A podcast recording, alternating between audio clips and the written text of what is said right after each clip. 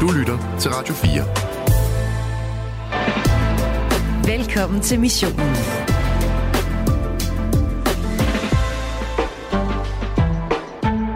Vi gør det alle sammen.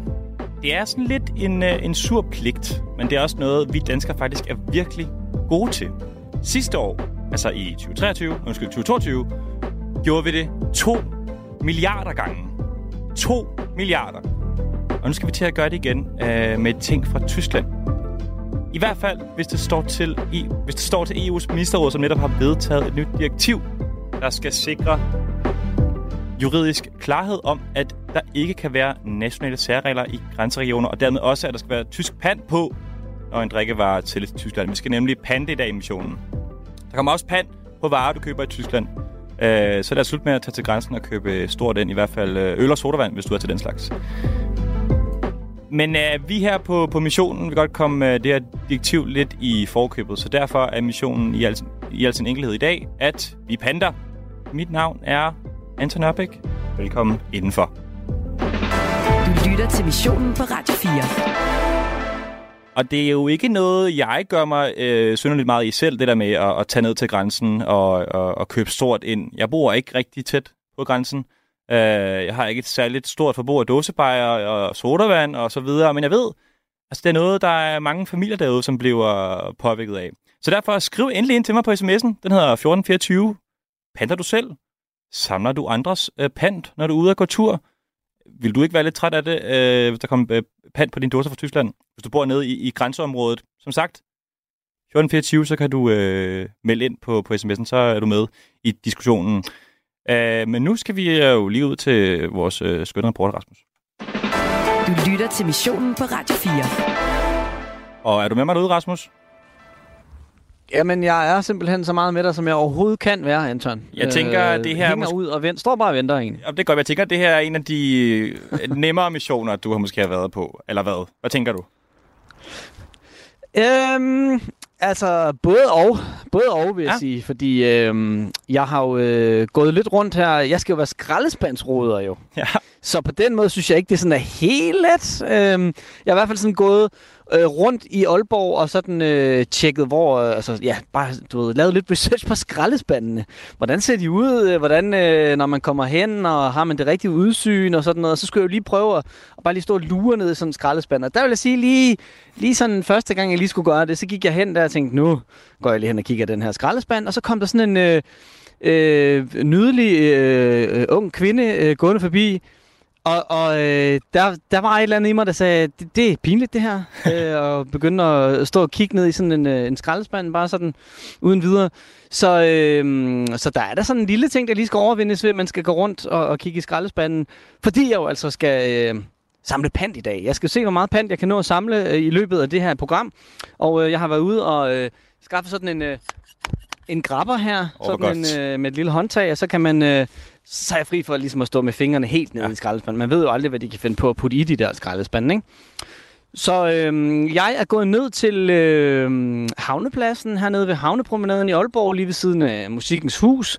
Øh, på den anden side af vejen kan jeg se øh, Nordkraft. Der ligger jo både teater og biografer og sådan noget. Og så er der jo mange mennesker, der går så en, øh, en tur hernede på havnepromenaden og tænker, det er et godt sted at starte. Og, øh, og allerede her inden for mit synsfelt, der har jeg lige talt seks øh, skraldespanden her. Så øh, lad os bare begynde at kaste os ud i det, og så tage et kig ned i den øh, første skraldespand her, og se om jeg kan finde noget, øh, noget pant. Det er også, jeg er meget spændt på at se, hvad man finder nede i nogle af de her skraldespande. Hernede kan jeg se, der ligger... Der ligger godt nok noget sodavands noget, men det er simpelthen øh, papkrus øh, fra McDonald's, kan yes. jeg se. Og øh, hvad er der ellers hernede? Nej, der er ikke nogen øh, dåser eller, eller noget som helst. Så, øh, så allerede der øh, en nitte. Øh, så Øh, jeg har kun lige 10 meter hen til den næste øh, skraldespand, så vil jeg lige tage dig med øh, på hovedet i den også, Anton, for ligesom at se, om kunne vi ikke, ja. vi ikke få en god start? Ja, lad os se, om vi kan få en. Kom få noget lagt i den med det samme. Så øh, vi kigger ned i den her skraldespand her, og der har vi tre kaffekopper, du. Og så er der ikke andet der i, nej. Der er jo de Jamen, der, altså, heller ikke noget der. Rasmus, der er jo de der, hvor man ligesom kan efterlade sin pant øh, øh, ved, ved skraldespanden. Har ja. du prøvet at søge efter nogle af dem? Jeg har været rundt og kigge sådan med nogen, hvor man, øh, ja, hvor der, som du siger, er sådan et, øh, står, her kan du ligesom øh, sætte din pant. Der har der ikke været noget i dem, jeg har gået forbi øh, i løbet af dagen. Øh, så Men øh, jeg har jo heller ikke ville snyde og begynde, inden vi gik i gang. Øh, så, men jeg har da lige, hvad siger man, scoutet lidt, ikke? og været rundt og kigge på, hvor kunne det måske tænkes. Men jeg har tænkt mig at begynde hernede, som sagt, øh, for ligesom at bevæge mig længere ind mod byen, øh, og gå lidt ved gågaderne, øh, komme rundt der.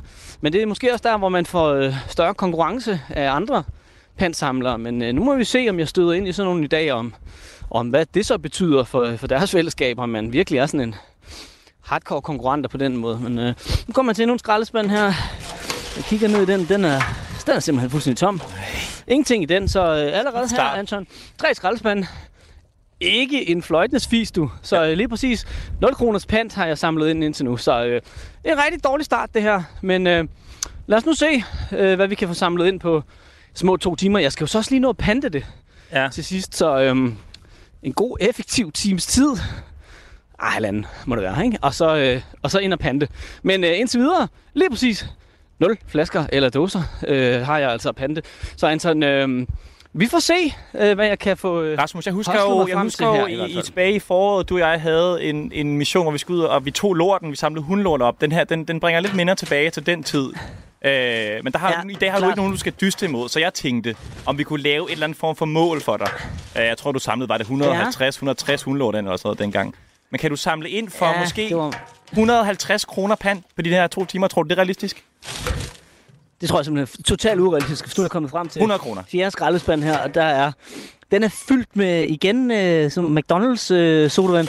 Hvorfor køber folk ikke noget med noget plastik eller nogle dåser, når man skal bruge dem? Så ligger der bare sådan nogle øh, dumme papkrus hernede, ikke? Jeg kan ikke bruge det til en fløjtens fis i dag, Anton. Kan vi, kan vi sige det- åh, 80 så nu- kroner? Kan du nå det? Kunne det være Ja. målet i dag? 80 kroner. Okay. 80 kroner, det må være, det må være målet. Og Jamen, så øh, håber jeg ikke, at jeg løber ind i flere af de der bananskralder. Den her ligger der et stykke tid, den er. Den er ikke så god. Så op med mig igen og videre. Så lad os prøve at satse på de 80 kroner, synes jeg, øh, det, det er et godt tal. Lad os, lad os sige det. Vi Anton. vender tilbage lidt senere og ser, hvor langt du er nået, Rasmus. Det er, det er skide godt. Bare klø på, ikke også? Øh, du har jo fra nu af ind til lidt i, lidt i lukke, ikke? Og så, så håber vi, du samler de, de 80 kroner. Jeg begynder allerede at løbe nu, Anton. Det er jeg godt. begynder allerede at Løb, løbe. Jeg kan Rasmus, mærke, løb. at jeg stressen, den kommer allerede nu. Ja. Godt, vi høres ved, gamle. ja. Du lytter til missionen på Radio 4. Missionen i dag går ud på, at øh, vi samler noget pant, og det gør den, fordi EU's ministerråd netop har vedtaget et nyt direktiv, der skal sikre juridisk klarhed om, at der ikke kan være nationale særre- særregler i grænseregioner, og dermed også, at der skal være tysk pant på, når en drikkevare sælges i Tyskland.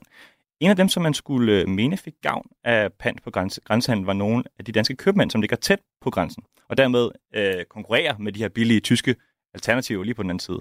Øh, men nogle er også skeptiske over for nyheden. Blandt andet blandt skeptikerne er den sønderjyske købmand Peter Damgaard Madsen, som er brugsuddeler for Superbrusen i Padborg. Og øh, velkommen til, Peter. Ja, tak skal du have. Peter, øh, kan du mærke, at folk vælger at køre til grænsen og købe øl, i stedet for at købe hos dig? Åh, oh, det skulle jeg mene. Det, det, det er ikke lige noget, vi har allokeret plads til i butikken med øl og, og vin og, og vand. Det er ikke lige det, der fylder mest ned os. Men du, du er skeptisk over for udsigten til, at der kommer pand på, på tyske dåser. Hvorfor det? Og i princippet, så burde der faktisk også være pant på dåserne nu. Det bliver bare ikke håndhævet jo, men øh, så, så jeg ved ikke, om en regel lovgivning mere fra eller til, det gør en forskel. Jamen, kan Men du, det må vi se.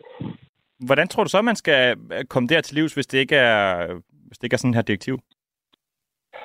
Og jeg tror nok, man skal måske begynde med at betale, eller sn- snakke om det, der, der, der betyder noget her. Det, det, at, og det, miljøet, det betyder noget, men det er der, hvor, hvor tornen den er, det er jo det er arbejdspladser, det er det, der tæller. Og det er dem, man øh, flytter fra den ene side af grænsen til den anden side af grænsen, så det er det, der gør ondt.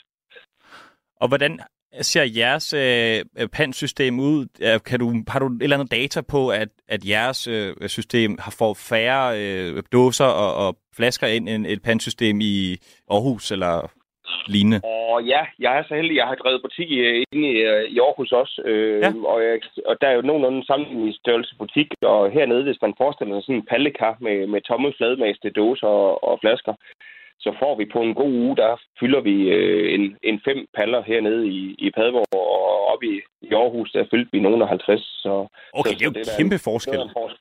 Kæmpe forskel. Okay. Øhm, jeg ved ikke, om du, du nåede at lytte med her lige før, øh, men vores øh, reporter Rasmus, han er også på øh, pantjagt i Aalborg i dag. Øh, ja. kunne han, hvis nu for eksempel, at Rasmus han var øh, sød øh, reporter, journalist, kommer vraltende ind i, i jeres butik, kunne han få lidt pant, du ved? Nu ved jeg, nu skulle han nu tegne hele vejen til Sønderland, men hvis en linjebutik, tror det er realistisk, han kan komme ind og, og, og hente lidt. Han skal samle de her 80 kroner inden de næste to timer.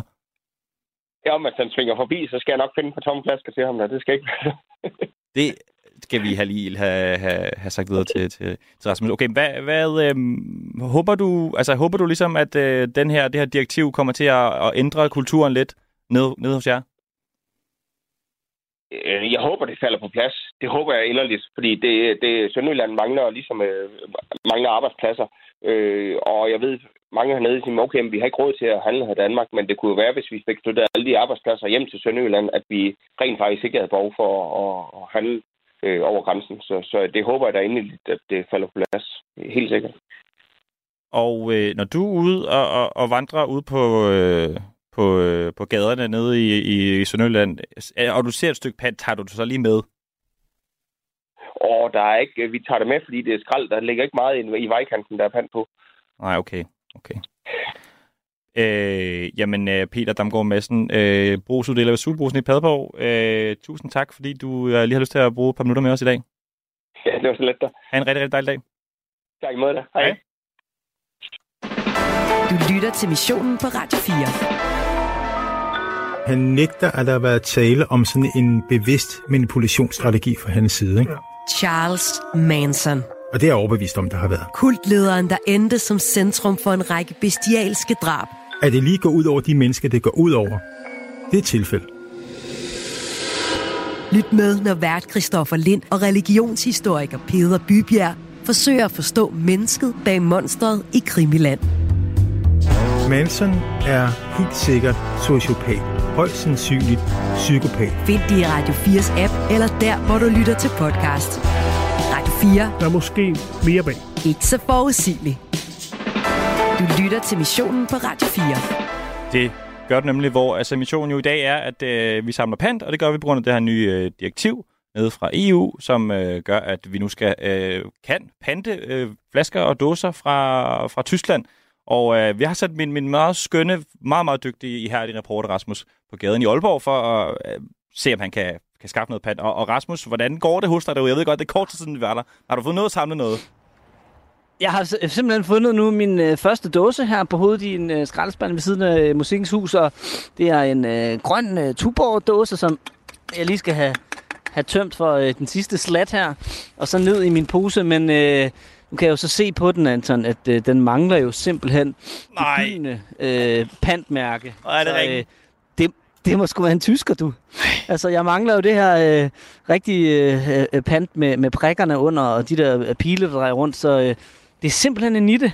Øh, Søren så også. Jeg kunne ellers mærke begejstringen, da jeg lige fik kigget ned, og så, ah, der lå en dåse, og afsted med mig med min øh, nye øh, øh, grabber her, og få den her fisket op, og så, da den så kommer op, så mangler der jo altså så, ja, øh, adgangsbilletten til, til pengene, til panten, til når man står der og skal proppe den ind i maskinen. Men øh, jeg tager den med mig af hensyn til øh, miljøet, så vi får lagt den, øh, lagt den videre øh, et godt sted, øh, så den alligevel kan blive genbrugt. Men øh, det hjælper mig jo altså ikke tættere på, øh, på det, som øh, du har sat mig til. Altså skal se, om jeg kan samle for 80 kroner i løbet af udsendelsen her. Så øh, jeg skal haste videre og se, om jeg kan finde noget mere. Så indtil videre, en sølle dåse, som så ikke giver noget som helst. Så øh, ubehagelig, dårlig start øh, på missionen om at øh, blive rig på pant. Så øh, Ja. Rasmus, jeg har et, et, et tip til dig, og det kommer jo altså fra vores øh, tidligere gæst øh, for et øjeblik siden, øh, Peter nede ved Sobosen i Padborg. Han siger, at du kan komme derned og hente en masse. Kan du nå det?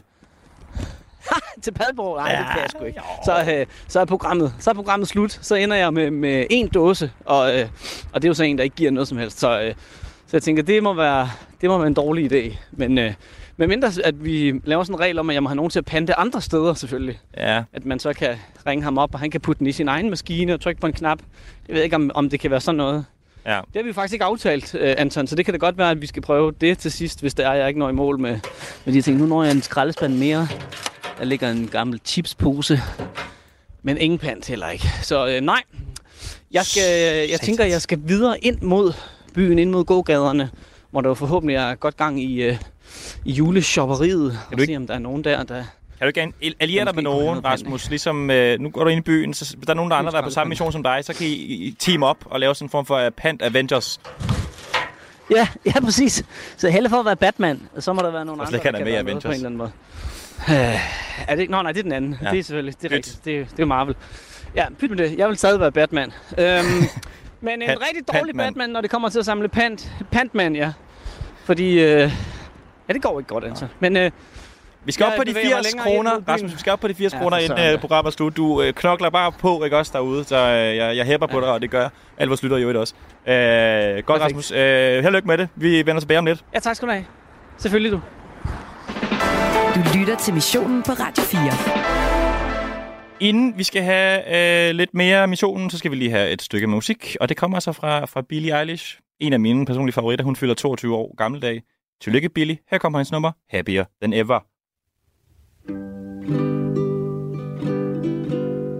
When I'm away from you, I'm happier than ever. Wish I could explain it better. I wish it wasn't true. Give me a day or two to think of something clever to write myself a letter to tell me what to do.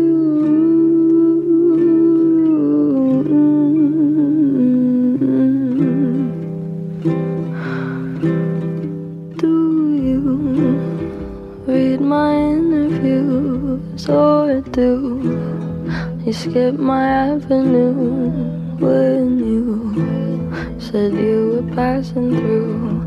Was I even on your way? I knew when I asked you to be cool about what I was telling you. You do the opposite of what you said you'd do, and I'd end up more afraid. Don't say it isn't fair. You clearly weren't aware that you made me miserable.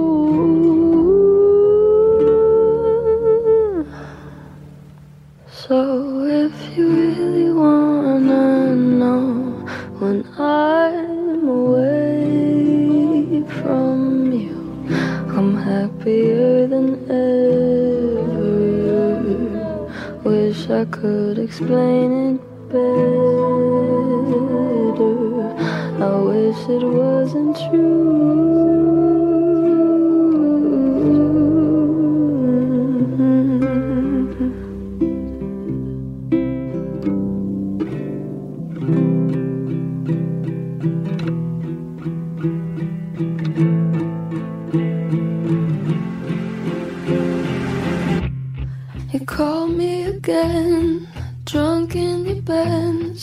Driving home under the influence.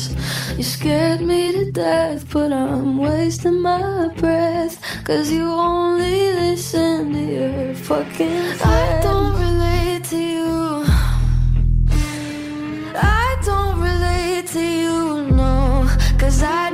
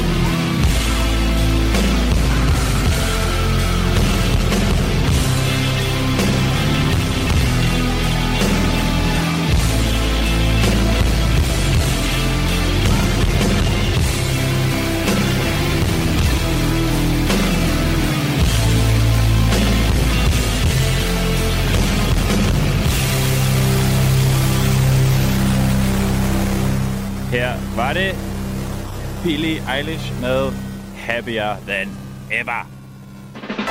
Du lytter til missionen på Radio 4. Ej, det var lidt øh, skrætten der fra Billy stadigvæk. Uh, I har været søde til at melde ind på sms'en. Jeg, jeg dykker lige ned i den en gang. Uh, vi har fået en, en lidt, uh, lille, måske lidt opsang her. I tager de hjemløsespenge, er der en, der har skrevet. Det er måske rigtigt nok, men uh, jeg ved, at der er en eller anden cliffhanger, en eller anden overraskelse til sidst i programmet, som uh, jeg håber retfærdiggør Rasmus' uh, mission i dag. Øh, skal I ikke finde dem i naturen? Var det ikke grunden til pant? Hvorfor ikke pant på alt, er der også en, der har skrevet. Øh, tankstationer, Rasmus. Helt kort. Men en klar instruks, et godt tip i virkeligheden. Tankstationen, den må vel være et sted, hvor der bliver, bliver kylet pant. Øh, hvorfor er der ikke pant på alt det andet emballage, der indspørger? Det kommer vi faktisk ind på øh, lidt senere i programmet. Øh, så ja, tak for at skrive ind i sms'en, men endelig ind, hvis jeg har øh, mere i øh, et input, så øh, læser jeg dem gerne højt. Du lytter til missionen på Radio 4.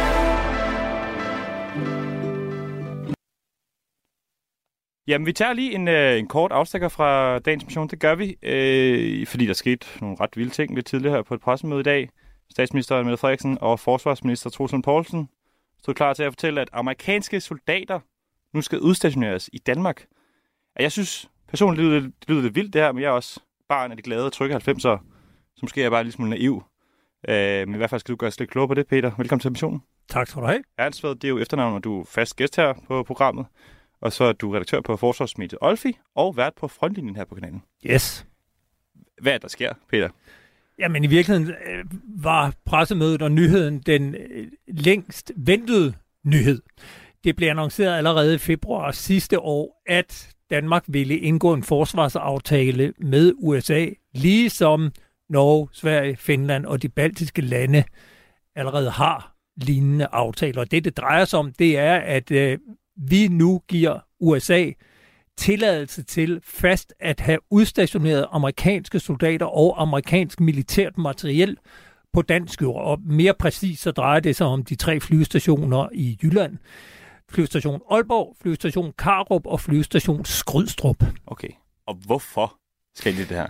Ja, altså, vi må jo gå ud fra, at det er fordi, at amerikanerne gerne vil være klar, hvis uheldet skulle være ude, hvis ulykken skulle være ude, at Rusland gør, øh, hvad skal man sige, begynder at gøre alvor af sine trusler mod Vesten. Mm. Øh, og, og, og det, det her jo giver mulighed for, det er, at amerikanerne kan have materiel, nu ikke bare i Danmark, men også i de nordiske lande, i Finland og i Baltikum, og, og helt konkret gør det jo, at reaktionstiden for amerikanerne bliver meget, meget lavere, hvis ballonen går op, og der kommer en varm konflikt, så har man allerede øh, både materiel. I det her tilfælde må vi gå ud fra, at det drejer sig om fly, fordi det er på de tre øh, flyvebaser.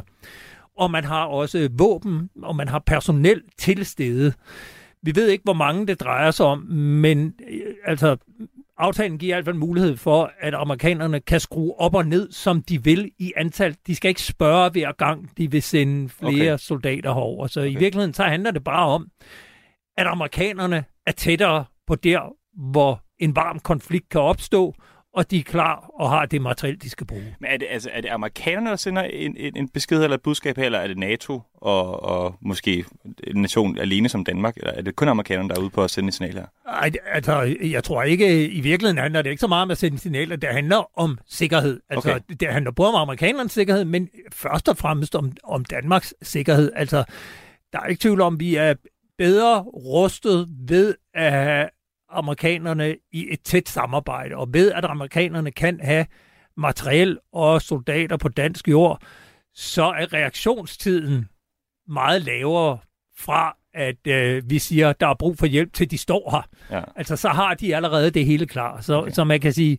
jeg, jeg vil give øh, både statsministeren og forsvarsministeren ret i, at det drejer sig om dansk sikkerhed, når vi indgår den her aftale. Men der er jo heller ikke tvivl om, at, at, at det er jo en aftale, amerikanerne gerne har ville have. Og jeg tror øh, ikke, der er tvivl om, at det er amerikanerne, der har bedt os om at få en aftale. Det er ikke os, der har bedt amerikanerne om at komme til Danmark. Okay. Altså, de har en interesse i at have både soldater og materiel og udstyr i Danmark.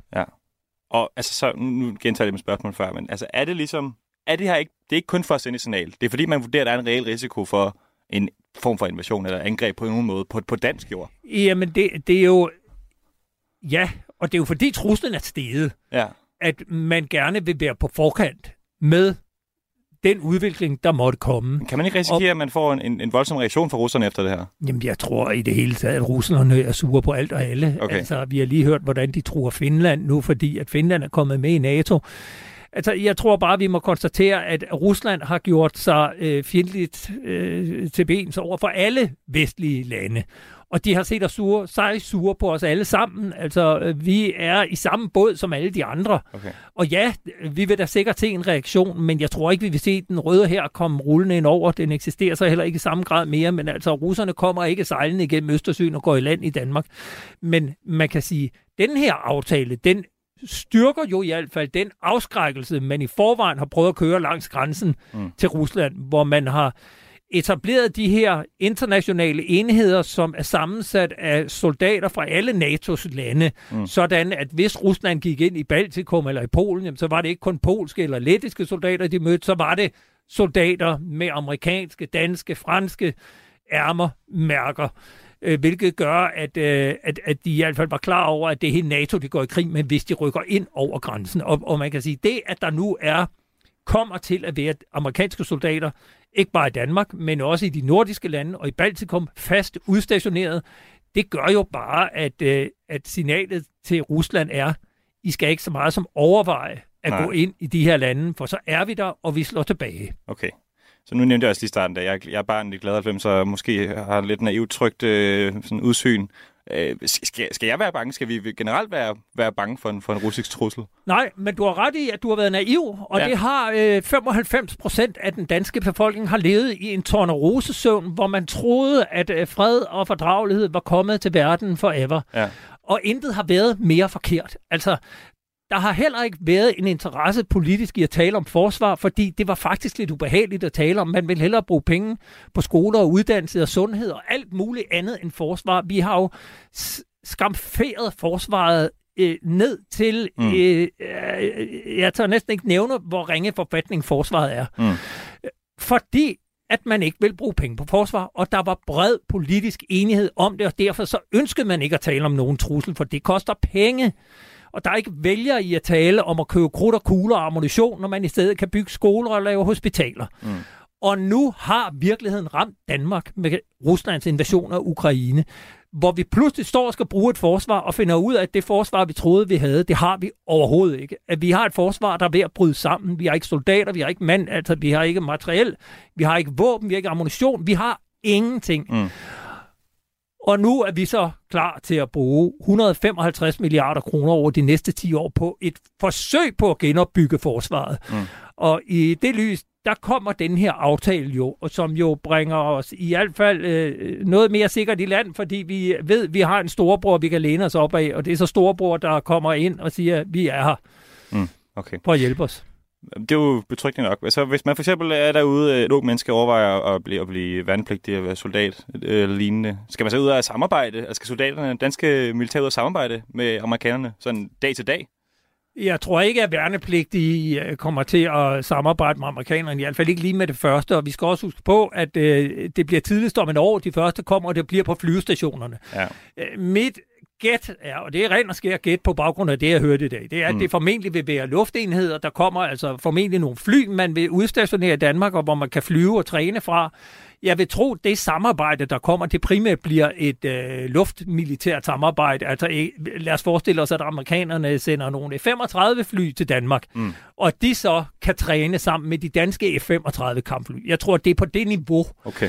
Øh, jeg ser ikke for mig, i hvert fald ikke forløbigt, at der kommer amerikanske øh, landsoldater og træner med den danske her, ud over hvad de i forvejen gør på NATO-øvelser rundt omkring i Europa. Okay. Noget af det, som jeg synes, der er interessant, øh, det er jo, at øh, du taler om at være barn i de glade 90'er, hvor jeg selv var soldat, og dengang Ja. jeg var so- værnepligtig soldat, Ja. der var der jo NATO-øvelser på civil jord øh, på Sjælland, hvor vi lå og pløjede ud over markerne. Der var britiske og franske og amerikanske soldater med. Øh, hvor, hvor øvelserne var en helt anden skala, end, end de er i dag. Nu er alle øvelser inde på militære øvelsesområder. Jeg er spændt på at se, om, om helt det trusselsbillede, der er nu, og med hele det meget øget fokus på militær, og at vi slet ikke er klar på noget som helst, betyder, at vi også kommer til at se mere soldat, soldater, flere soldater, øh, flere militære køretøjer ude på gaderne, fordi man simpelthen okay. Bliver nødt til at gå ud og træne og øve der, hvor en krig vil skulle udspille sig, nemlig i civilt terræn. Det, det forestiller du dig er sandsynligt, at vi render rundt ned i, det ikke, Borgade eller andet, og så kommer der en, en tank kørende. Jeg vil øh, tro, at det er en naturlig udvikling, at vi vender tilbage, og det er jo ikke særlig dramatisk, altså sådan gjorde vi i 90'erne, langt op i, øh, på den anden side af årtusindskiftet, ja. hvor, hvor der var store øvelser, og så udbetalte man noget markskadeerstatning til de øh, landmænd, der havde fået ødelagt deres øh, marker af nogle kampvogne, der havde kørt hen over en eller anden vedemark. Øh, det er jo helt øh, utænkeligt i dag, at man holder en, mø- en øvelse nede på Sydsjælland eller i Midtjylland, eller hvor det er, øh, og, og at øh, soldaterne leger ude i, øh, i det civile terræn og, og træner en regulær krig. Men jeg tror da, det er et spørgsmål om tid, før man må begynde at se på den slags igen, fordi man er nødt til at være forberedt. Man, ja. og, og man kan ikke man kan ikke øve og træne sig i forsvar, uden også at rykke det ud der, hvor det i virkeligheden skal foregå. Og det er ude i samfundet. Således øh, opmuntret og oplyst. Tak, fordi du har lyst til at være med i dag. Missionen Peter Ernsted, redaktør på Forsvarsmidt Olfi og vært på frontlinjen her på Radio 4. Tak for det, Peter. Selv tak. Du lytter til missionen på Radio 4. Det gør det nemlig, hvor missionen i dag er, at vi samler pant, og det gør vi, fordi vi godt vil komme det her nye EU-direktiv i forkøbet, som øh, jeg tror, det kraft er i tro, et par år, tror jeg nok, det er også, hvor vi skal, øh, vi, kan, vi kan ikke længere øh, købe varer ind fra Tyskland, så skal det også, der skal nemlig også pat på. Øhm, og øh, vores øh, søde, søde, skønne, meget, meget ihærdige, dygtige reporter Rasmus, han er ude sammen pant i dag, øh, ude i Aalborg et sted. Jeg kunne lige prøve at skrue op for en gang og høre, hvordan øh, står til. Rasmus, hvordan står det til? Ej, nej. Ej, Ej, nej. jeg tabte lige en her. Altså, lige, jeg står på hovedet i en skraldespand øh, i Aalborg, Anton. Og det er lidt ligesom de der Tivoli-maskiner, hvor man kan putte penge i en, og så får man sådan en grab, der skal gå ned, og så skal man simpelthen kan fange en bamse. Det er jeg nu i gang med ved at forsøge at fange en lille bitte flaske, der ligger nede i den her skraldespand. Ja, det er vel noget nær en øh, guldgruppe, øh, når nu det kommer til... Øh, til at samle flasker i skraldespandene, som jo er det, jeg gør i dag, for ligesom at se, hvor meget kan man egentlig samle sammen på sådan små to, to timer, hvor vi jo altså sender. Jeg er øh, bevæbnet med sådan en, en, en grapper her, øh, og så går jeg ellers bare rundt og kigger i skraldespandene, og øh, altså øh, sidst du var ude ved mig, Anton, der havde jeg en dåse, ja. som så var en, øh, det var en tysker, så den skal man holde sig fra. Jeg har selvfølgelig alligevel taget den med, for miljøets skyld, så vi kan få den et, et, et godt sted hen. Men øh, nu fik jeg lige hævet en op her, altså. Og det er med det helt rigtige pantmærke på. Det er sådan en pant B, men øh, den tager vi da med. Og øh, kommer den ned i posen Okay. her, hvor øh, Er det en krone? den jo faktisk får øh, selskab af, Ej. efterhånden et, øh, nogle ting. Der er godt nok to dåser i alt, som, øh, som er en tysker, men øh, dem tager jeg altså med. Og øh, ja, i selv samme skraldespand, som er uden for sådan en... Øh, sådan en øh, burger, burger-restaurant øh, ting, du ved, hvor man kan, så kan man lige købe et sæt, hvor man så får sådan en dåse med sig. Og øh, de bliver jo så, øh, flere af dem så åbenbart smidt i lige præcis den her skraldespand. Så det er altså, det er et rigtig godt sted. Men så har jeg fisket to op, Anton, to øh, Pepsi Max dåser. Ja. var ja. med lemon, som var, uh. altså den ene var nærmest fyldt. Så jeg er i- gang med Hvorfor at... kyle en fyldt Pepsi Max ud? Jeg ved ikke, hvis man ikke var mere tørstig, ikke? så står man der. Så jeg er i gang med lige at tømme den her i... Øh... Ja, jeg, jeg har ikke tænkt mig at smage på den godt nok, men jeg kender ikke lige smagen på den her. Ligger Men, der bare øh, Pepsi Max ud over det hele nu? altså så? lige... Nej, nej, det var lige sådan en lille øh, øh, kloakrest er her godt. ved siden af. Nede ved vejen her, hvor jeg lige får det hældt ud. Men øh, det er måske også en lille ting, man ikke sådan lige tænker over, at øh, så kunne man måske godt være lidt øh, venligere ved lige at tømme indholdet af sin øh, dåse, inden man smider den i skraldespanden. Hvis nu der skulle komme en, øh, en flaskesamler, som, øh, som altså mig i dag. Den kommer også ned og hygger sig her, så... Øh, Ja, altså, hold lige, hold lige høre her. Det begynder at, Altså, at tage kan- form, ikke? Kan du sige, øh, hvor meget har du nu? Ved hvor du meget det det? så bliver til, det ved jeg ikke. Ja, jamen der er vel en... Øh, der var Op to de dåser 80. der. To, tre, fire, fem, seks. Seks dåser Okay. og øh, tre flasker. Rasmus, du har fået lidt hjælp på øh, sms'en. Øh, der er en, der skriver, Ja. ja. Rasmus, tag på tankstationer. Har du prøvet det? Har du været forbi sådan en? Ja, men igen, der er lidt langt imellem tankstationerne. Mm. Øh, og nu går jeg jo sådan rundt inde i øh, den centrale del af Aalborg, så I, det vil være lidt... Åh, det vil være meget tidsspild Ja. øh, med at skulle Jamen, hold til rundt til nogle tankstationer lige nu. Jeg, jeg, jeg holder mig herinde og så ligesom forsøger at finde nogle sådan spisesteder. Og, altså, det der, det var i hvert fald en guldgruppe. Altså, jeg har ikke mødt en bedre skraldespand indtil nu. Og jeg har stået med hovedet øh, nede i, i en del efterhånden, efter vi begyndte her. Lidt Har du over fået nogle sjove blikke endnu, Rasmus? Det var du lidt nervøs for i starten, jo. Altså, der er nogen, der lige...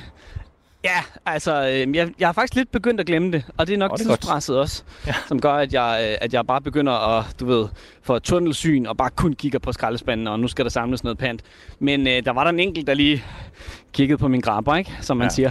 siger. Øh, så, men, øh, men ellers så, nej, så, så går jeg rundt og hygger mig med det her. Jeg kan mærke, jeg kan jo mærke øh, konkurrencegenet i mig, der kommer op, og glæden over, at når man kigger ned i en skraldespand, så faktisk ligger en øh, lille bitte dåse. Det er utroligt, hvor glad jeg faktisk kan føle mig over det. Jeg får lige sådan en lille lykkeskud, hver gang jeg ser en dåse. Nej, ligger du der og venter på mig? Det er sådan en form så for Pokémon Go i virkeligheden, du er ude i, faktisk. Ja, ja, det er det faktisk. Det er det faktisk. Øh, og det er faktisk også lidt det samme, at de kan godt smutte fra dig, når du prøver at fange dem. Øh, men øh, indtil videre, så har jeg altså fanget dem alle sammen, jeg har fundet på min vej. Rasmus, der er også en, der Så, skriver øh, ind på sms'en, at du, altså, du stjæler de hjemløses pant. Det er lidt uheldigt, jo. Ja, men øh, der vil jeg så også sige, at vi er blevet utrolig gode venner med øh, Café Parasollen her i øh, Aalborg, hvor vi jo øh, for ja, ikke så lang tid siden jo samlede øh, en masse gode ting ind til dem, så øh, øh, nu må vi se, hvor meget vi får samlet sammen, men øh, der kunne da godt være lidt til, til vores gode venner dernede fra. Åh, Okay. Jeg Okay. lige en ny skraldespand her imens. Øh, så øh, nu skal vi selvfølgelig lige nå ned til dem og sådan noget, men ellers så kommer vi forbi en anden dag. Så lover jeg, at øh, så, går, så går det hele sgu til, til vores gode venner dernede, ikke? Det er sødt af dig, Rasmus. Men øh, nu må, vi, må vi se, hvor mange penge vi får samlet sammen for. Men nej, der ligger en Pepsi. Der ligger en Pepsi-dåse nede i den her under. Ja, du vi- hørte, er så glade for at finde en Pepsi. McDonald's poser, der er en enkelt øh, sådan kaffe, utrolig mange bananskralder. Altså, der ligger bananskralder i nærmest alle skraldespande. Har jeg du fundet noget virkelig i. klamt endnu nede i en eller anden skraldespand? En lort eller noget? En lort? Nej, nej, det har jeg ikke. Det har jeg ikke. Jeg har ikke fundet nogen lorte. Nå. Øh, det er mest... Øh, det er mest McDonald's-poser og bananskralder og drikkejoghurte og, og, og, og kaffe. Altså virkelig sådan nogle, øh, du ved, øh, papkrus for Ja. kaffe og sådan noget. Det er primært det, jeg finder noget. Det er, er, det, det er også en, øh, en Pepsi med, øh, med twist. Du, de er glade for Ja. øh, deres... Øh, Er en er eller anden, der går og kyler de der. Pepsi'er rundt omkring i, øh, i Aalborg Kommune. Ja, det, det må der være. Det må der være. Jeg prøver lige at se her. Ved du hvad, du... Det er sgu en... Øh, det er sgu en fejser, du. Det er en tysker. Sørens også. Jamen, det, det Der er, er derfor, en- at vi skal have... Hurtigt på sms'en, øh, Rasmus. Også, øh, jeg kan også mærke, at jeg bliver nervøs på vegne af din håndhygiejne. Køb en pakke Klin- Kleenex. Jeg øh, går selvfølgelig rundt med handsker, øh, mine Godt. grapper. Og, øh, og så må vi se øh, derfra, hvordan det går. Men øh, nej, du har ret. Der skal jo være styr på hygiejnen her før jul, ikke? Men øh, det var øh, endnu en dåse, men desværre ikke en, der gav nogen penge. Øhm, men øh, jeg fortsætter. Godt. Rasmus, klø på. Øh, banker ud af, Klø og på. så ser vi, hvor mange vi får, ikke? Du gør det skide godt. Vi hæpper på dig. Vi høres videre lidt. Fedt. Hej du. Det kan du tro. Du lytter til missionen på Radio 4. Vi kan se, at de dåser havner i den danske natur. Det er et hul. De er udnyttet i alt for lang tid. Sådan sagde øh, Miljøminister Magnus Heunicke i forbindelse med, at det blev annonceret, at Danmark ville kæmpe for det her emballagedirektiv i EU, som skal sikre, at der kommer pant på tyske dåser købt ved grænsen. Men hvor stort et problem er tyske dåser? Hvilken effekt kommer det til at have, og er det overhovedet nok? Og det skal vi snakke med natur- og miljøpolitisk rådgiver hos Danmarks Naturfredningsforening og biolog Therese Nissen om nu. Hej Therese. Hej. Tak fordi du gider at være med os i dag. Vi kan jo øh, pa- passende starte med, hvor stort et problem er det her? Hvor mange dåser er der ude i den danske natur? Jamen, øh, vi har en affaldsindsamling i Danmarks Naturfredningsforening, og, øh, og en opgørelse, som vi har lavet, hvor vi går tilbage fra 2018. Øh, der har vi set, at vi frem til nu, øh, vores affaldsindsamling til og med i år, har fundet 408.000 dåser ude i vores natur, når vi samler ind i april måned hvert år. Og to tredjedel af dem er uden pant. Så det er altså et ret stort problem, at der ender så mange pantdåser i vores natur. Øh, og det er jo især i øh, Syd- og Jylland, at øh, vi især ser de store mængder af dåser, der, der ender i naturen. Klar. Der har vi fundet omkring 75.000 dåser, og op mod 80 procent af dem er uden pant. Så, så det er et problem, at øh, når derude, det skal de helst ikke. Okay, men så det her nye initiativ med at komme pant på, på de tyske øh, importerede øh, dåser, øh, øh, får det til at, og problemet til at forsvinde? Altså forsvinder alle dåserne så fra naturen? det gør de nok ikke, det, Nej. desværre. Men, men jeg tænker, at i hvert fald i, i altså Syd- og Sønderjylland, hvor vi jo finder absolut de fleste dåser uden pant, der vil det have en betydning, fordi folk vil gerne have penge tilbage på den der pant. Så det her med, at, at, øh, at vi får en pantordning på, øh, det, er, det er vejen frem. Altså, øh, vi, øh, dåserne er jo en ressource, og den skal jo ikke ses som et affaldsprodukt, den skal ses netop som en der ligesom skal blive i det her loop med, at den skal blive til nye dåser, eller en Mm. mm. flaske skal blive til en ny flaske på en mm. eller anden Mm. måde. Så det er helt vildt vigtigt, at vi, øh, at vi, får, øh, at vi får afleveret vores affald øh, de rigtige steder, så det kan blive øh, genanvendt eller genbrugt på en eller anden måde. Og faktisk er det jo sådan, at det pantsystem, der er det 9 ud af 10 pantflasker eller dåser, der bliver returneret. Ja. Øh, og i sidste år, der sagde øh, hvad hedder det, Dansk Retursystem, der havde det været et rekordår. Der havde vi været vanvittigt dygtige. Okay. 93 procent øh, havde vi returneret. Det svarer til 1,10 milliarder flasker eller dåser. Altså, det kan jo godt, men åbenbart skal der være en eller anden form for, for bonus på det, altså at vi får vores penge igen på en eller anden måde. Øh, så øh, jeg tænker, at øh, når det her øh, træder i kraft, desværre først i 29, men Mm. Det er jo også, altså, det er jo på et skridt i den rigtige retning Mm. mm. i hvert fald, så vil det have en betydning for, hvad der ender af, øh, af dåser, både med pant ude i vores natur. Og jeg har faktisk et tal her fra, fra, fra jer også, at der var i, i Syd- og Sønderland, der blev der fundet 64.427 dåser i perioden øh, 18 til 22, øh, som var, du sagde, de der 80 procent. Mm. Øhm, altså er det, Ja, er det ligesom, er det ligesom, du ved, giver det, er det, er det, ikke, er det ikke forholdsvis lidt i det, det samlede billede af mængden af, af dåser i naturen? Altså, Jamen, det, kan du, det kommer jo lidt an på, hvordan ligesom man opgør også de her øh, Syd- og Sønderjylland, hvad det er kommune, man tager med, men, men det handler jo allermest om, at, at op imod 80 procent af de dåser, vi fandt derude, mm, var uden pant. mm, Så, så det kan jo nok godt relateres til den der grænsehandel, der er. ja. Øh, så, øh, så det handler om, at de dåser, vi finder i naturen, de skal faktisk ikke være der. De skal tilbage i enten vores retursystem, eller tilbage som metalaffald på en eller anden måde, så vi kan genanvende materialet øh, Mm. og genbruge materialet igen og igen. Øh, for det er jo, altså det sviner rigtig, rigtig meget at, at lave, både udvinde aluminium, men så også lave de her, øh, lave de her dåser. Okay. Så, så jo flere vi ligesom kan få ind i loopet, jo bedre. Altså hvis man ser på, på panten på dåser og, og andet som første skridt, kunne man forestille sig, at så skal vi også øh, pante pizzabakker, cigaretskod eller du ved, øh, øh, glas med noget altså, syltet agurk i, eller noget lignende i fremtiden?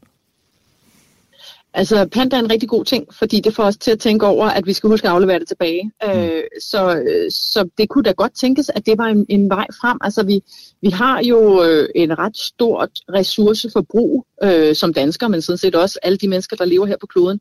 Øh, så så i, i Danmark, der har vi jo World Overshoot Day, så den er ret meget tidligere, end resten af verden har. Ja. Fordi vi anvender så utrolig mange ressourcer. Altså vi skulle bruge er det 4,5 klode mere, end, end hvad der ligesom er til rådighed, hvis alle vores, altså hvis alle skulle leve på samme måde som os. Så, vi, så, så det her med at sende ting retur, om det er pap eller papir eller glas eller hvad det nu er, det er en skide god idé. Mm. Øhm, så, og hvis det øh, betyder for folk, at øh, de vil levere det tilbage, hvis de får nogle penge tilbage, altså hvis der er en pant på, jamen, altså du betaler det jo under alle omstændigheder på et Mm. eller andet tidspunkt, så, så, så ja, så, så altså pant er en rigtig, rigtig god ting. Okay. Lad os så sige, at, øh, at, at pant ikke er nok her, og leger vi med sådan af sønderjyderne mm. og dem, som ellers handler over grænsen, de, de, de kan bare ikke orke det, de kan ikke finde ud af det. Er der andre måder, man ligesom kan notche folk til at lade være med at køle pant i naturen, som I har succes med? Det er jo svært, fordi hvis du ikke, øh, hvis du ikke rigtig øh, gider lytte til, øh, hvad alle, skulle jeg sige, alle de kloge hoveder siger om, Ja. ja. at det er vigtigt at, øh, at genbruge ressourcer, så er det lidt svært. Altså, sige, det handler jo også om, at, at om det er pant eller ikke pant, øh, det er jo sådan set ligegyldigt, det er en dåse ude i naturen, og, og de kan også gå hen og blive et stort problem for, eller er et problem jo for de øh, dyr, der lever ude i naturen. Mm. Øh, en dåse, der går i stykker, den kan jo faktisk, altså du kan skade et dyr, altså du, en hjort, der kan træde på den og, og skære øh, sig i kloven, eller øh, dyr, der bliver fanget inde i en dåse og ikke kan komme ud igen, eller noget af den stil. Ikke? Og hvert år ser vi også øh, altså, øh, kør forblødet, indre, for, øh, indre blødninger, fordi de har spist øh, sådan noget braphø, hvor der har været en kværnet dåse i. Mm. Det er jo altså en meget, meget pinefuld måde at dø på. Og, og i en stald, der kan hvad hedder det, landmanden gå ud og skyde konen med det samme, eller altså aflive den. Ja. Men det kan vi jo ikke ude i naturen. Altså der ser vi jo ikke, hvis det sker for øh, hjort, eller pindsvin, eller hare, eller noget af den stil. Så, så vi har jo også et ansvar, undskyld, for at, at passe på, på de arter, der er derude, som, som ikke har en, et menneske til at gå og kigge efter sig. Ikke? Okay, så jeg hører dig virkelig så, så vi skal ikke have affald i naturen. Nej, jeg hører dig bare sige, at, at, at altså, pant er i virkeligheden vores bedste og måske eneste våben mod den her tendens. Øh, i pant, og, og at man bliver, man bliver klogere på det. Altså, mm. jeg tænker også, at det, vores affaldsindsamling, som vi kører hvert år med, med masser af, af institutioner, både børnehaver og skoler, gør, at vores børn bliver klogere mm. og kan forhåbentlig sige til os voksne, hov, øh, vi skal lige huske at tage affaldet med hjem, fordi jeg gider ikke at rydde det op, når jeg kommer med min skole næste år til affaldsindsamling, eller øh, affald hører ikke til i naturen, mor og far, vi skal tage det med hjem og huske at sortere det rigtigt. Så jeg håber også, at vores affaldsindsamling kan være med til at, at give vores børn øh, en bedre adfærd og en bedre opførsel, som de forhåbentlig kan tage med øh, hjem og, og fortælle deres forældre og deres familie om, hvordan, hvordan vi skal opføre os. Kunne vi, ikke, kunne vi ikke bare fjerne dem, der er nu? Altså nu, siger, nu sætter vi skolerne og de små børn ud. kunne man ikke sætte lidt mm. mere organiseret nogle, nogle unge mennesker eller øh, nogle foreninger eller noget? Kunne, kunne det ikke være en, en, en lige så stærk løsning som nogle, nogle børn? Jo, det kunne det. Altså, øh, vi, har, vi, vi fokuserer jo på, på børn, fordi at, øh, at de forstår den der glæde i øh, både at gøre noget godt og også blive klogere på, hvad, er det, der sker, når ting ender ude i naturen. Ikke? Mm. Altså, så derfor vores affaldsindsamling. Men vi går jo ud ligesom at lave den her forårsrengøring øh, hvert år i april og, og fjerner rigtig, rigtig meget. Øhm, så man, vi havde jo også måske en forhåbning om, at vi hvert år så, at der var lidt færre og lidt færre og lidt færre øh, affald på en eller anden måde, både dåser, men også alt muligt andet. Det ser vi bare ikke, desværre. Mm. Så øh, kunne man sætte gang i, at, øh, at der var ligesom sådan nogle skraldehold rundt omkring i kommunerne? Det kunne man sikkert godt. Øh, jeg, jeg tænker måske, at det smarteste er, at vi tager det ved kilden, at folk de simpelthen bliver bedre opdraget til ikke at smide deres affald. Fordi ellers er der nogle, altså, det er jo lidt det der, som, altså hvorfor skal jeg rydde op efter dig? Det er jo ikke mig, der har smidt mit affald. Ikke? Det kan man godt jo have sådan en, så folk kan tænke, hvor, hvorfor skal jeg gøre det? Mm. Men der er jo rigtig mange rundt omkring i landet, som har de her, når de går ture, så har de en pose med, og så samler de der affald op, de går forbi, og, og på den måde er med til at gøre den der lille, men rigtig, rigtig øh, vigtige øh, indsats øh, hvert år, eller hele tiden, øh, når de er ude at gå med hunden, eller ude at gå langs stranden, så, øh, så tager de minimum tre stykker affald med tilbage og putter det i skraldespand, og så har de i hvert fald gjort et eller andet. Ikke? Øh, men Jamen, altså umiddelbart så tænker jeg, at folk skal blive bedre til ikke at smide affald i naturen. Hermed øh, opfordret til, til os alle vores lyttere måske, gå ud og samle noget pant. Øh, mm. Tak til dig i hvert fald, Therese Nissen øh, fra Natur- og okay. Miljøpolitisk Rådgiver hos Danmarks Naturfredningsforening. Tak skal du have. Du lytter til missionen på Radio 4. Det gør du, hvor vi i dag øh, samler pant. Ganske enkelt, det er missionen, men inden vi skal videre med det, så skal vi lige øh, høre fra Linnea med noget satire. Hun kommer her.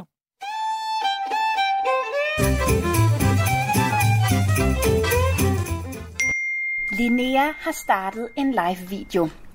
Hej guys, og velkommen til min live video her på Instagram. Jeg er Linnea, og jeg er stadig right. Det er så meget oppe i tiden at snakke om de såkaldte Nepo Babies. Og først og fremmest så vil jeg sige, at jeg ikke, og jeg understreger ikke, vil gå med til at tale ned om andres, især unge kvinders succes.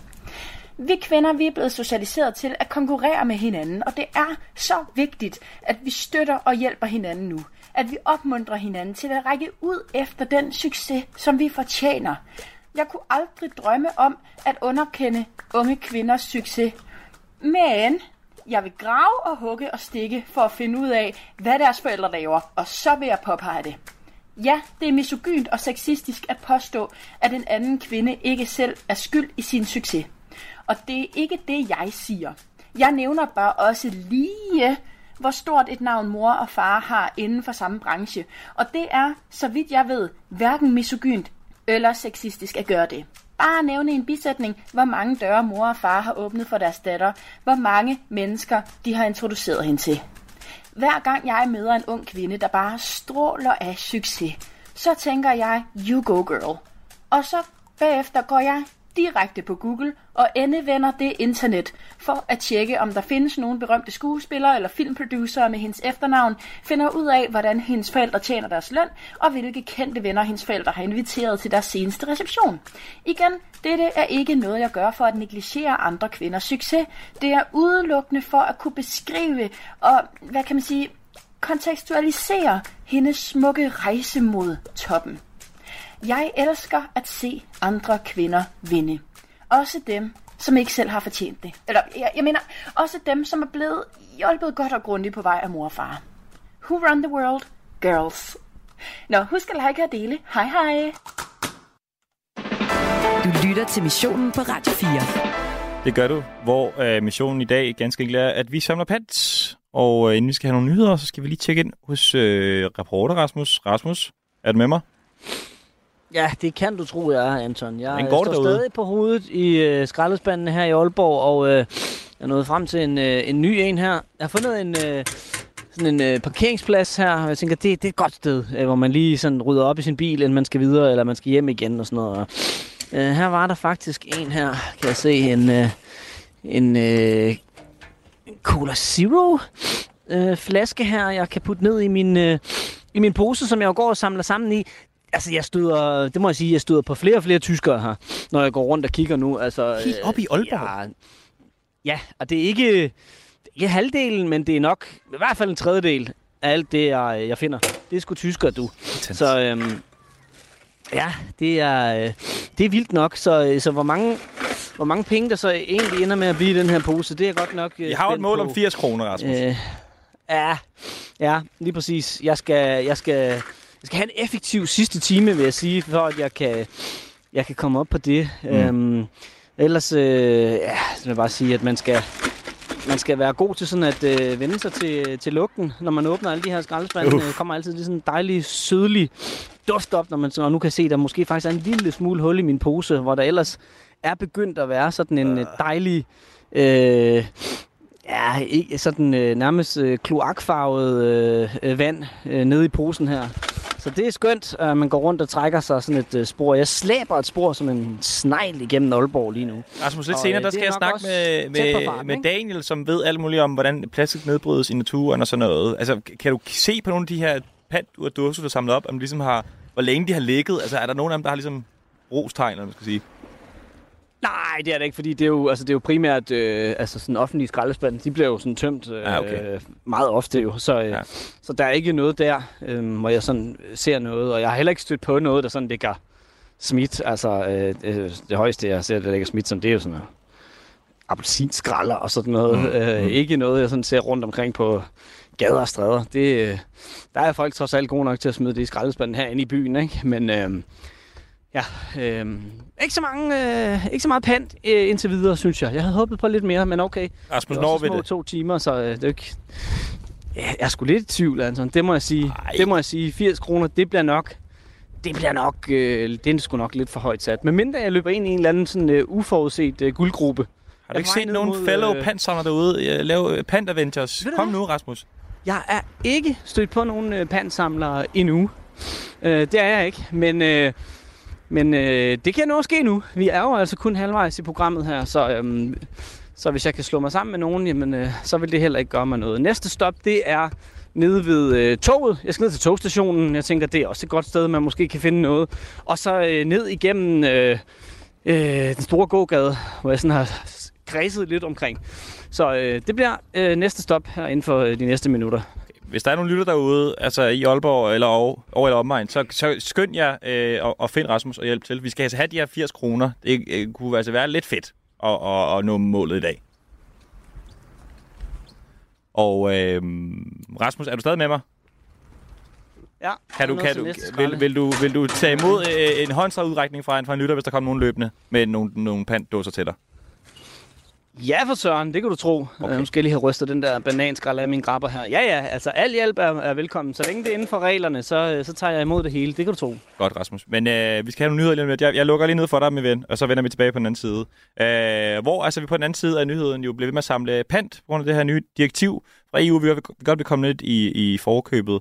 Øh, og, Og øh, på den anden øh, side af nyheden skal vi også øh, på en måde en, øh, en tur til, til grænsen faktisk. Øh, ikke Rasmus, men på en anden måde en tur til grænsen. Og hvad sker der egentlig, når vi kyler et stykke plastik ud i øh, naturen? Det bliver vi også lidt klogere på. Øh, på den anden side, øh, nu er klokken 16, og der er nyheder. Du lytter til Radio 4. Velkommen til missionen.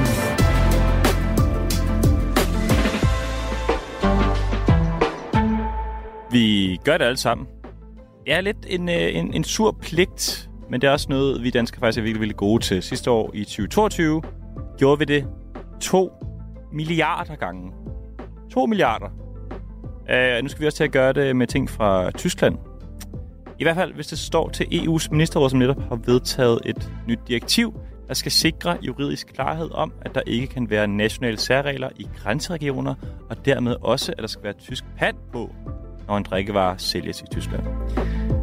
Så der kommer altså højst sandsynligt varer på de køber. Øh, høj, pand, på, på, der kommer højst sandsynligt pand på de varer, du køber i Tyskland. Så er det slut med at tage til grænsen og købe så den. I hvert fald øh, øl og sodavand og den slags.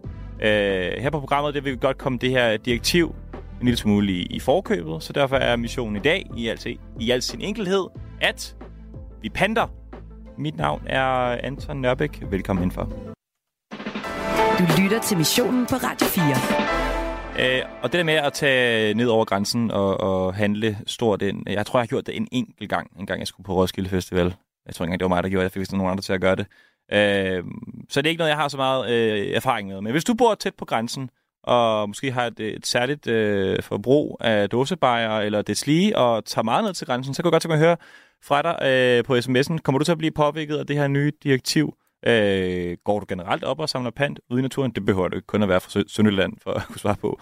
Øh, og husker du altid at pante, eller kommer du nogle gange til at lige at smide en, en dåse i, i skraldespanden? Øh, send en sms for Høvland. Øh, vi har fået en enkelt fra, fra Morten øh, fra Esbjerg. Han har skrevet, øh, bliver det muligt at returnere tyske dåser i Danmark? Ellers giver det jo ikke nogen mening i forhold til i dag. Tyske butikker tager allerede pant i dag. Det er kun de reelle grænsebutikker, øh, der sælger dåser og flasker uden pant, med venlig hilsen Morten. Øh, og Danmark har længe kæmpet for, at der skal være pant på alle drikkevarer i Tyskland, uanset hvem det sælges til. Og det ser ud til, at det lykkes. Øh, som det er nu, slipper danskerne for at betale pant ved øh, at udfylde en eksporterklæring. Øh, Miljøminister Magnus Heunicke påpeger, at det mest optimale vil være et europæisk pantmærke, så man kan pante øh, sine tyske dåser i Danmark, men indtil videre må du tilbage til Tyskland, hvis du gerne vil have din pant fra tyske dåser. Øh, og så har vi også fået en anden sms fra, fra Digter Niels. Han skriver, flasker og dåser, de ligger og flyder, så Anton er i gang og samler og rydder. Flasker og dåser, dem samler han ind, så pant, panten til gavn og komme i sving. Så Anton, vi hæber alle på dig og ønsker dig held og lykke på din vej, hilsen Niels. Niels, det er meget sødt af dig. Det er jo primært Rasmus faktisk, der samler pant ind i dag. Jeg skal nok øh, sende den videre til ham, den her, det her lille digt, det lover jeg. Øh, men i hvert fald, øh, velkommen ind for til anden time af missionen. Du lytter til missionen på Radio 4. Og jeg nævnte ham lige før, men øh, jeg tænkte, vi skal ud til ham. Rasmus, er du med mig? Jeg er altid med dig, Anton. Nej, var det godt. Øh, simpelthen. Og hvordan går det Selvom derude, min jeg, ven? øh, selvom jeg slider i det, og nej, nu kigger jeg faktisk på en dåse, der ligger nede i en lille øh, skraldespand her.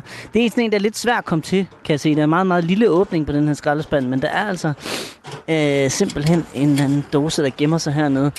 Og det er en lang sådan energi øh, drik af en art. Der er og meget pant på. er pant af. Pant Yes! af. Den kommer ned i posen, du. Så. Ja.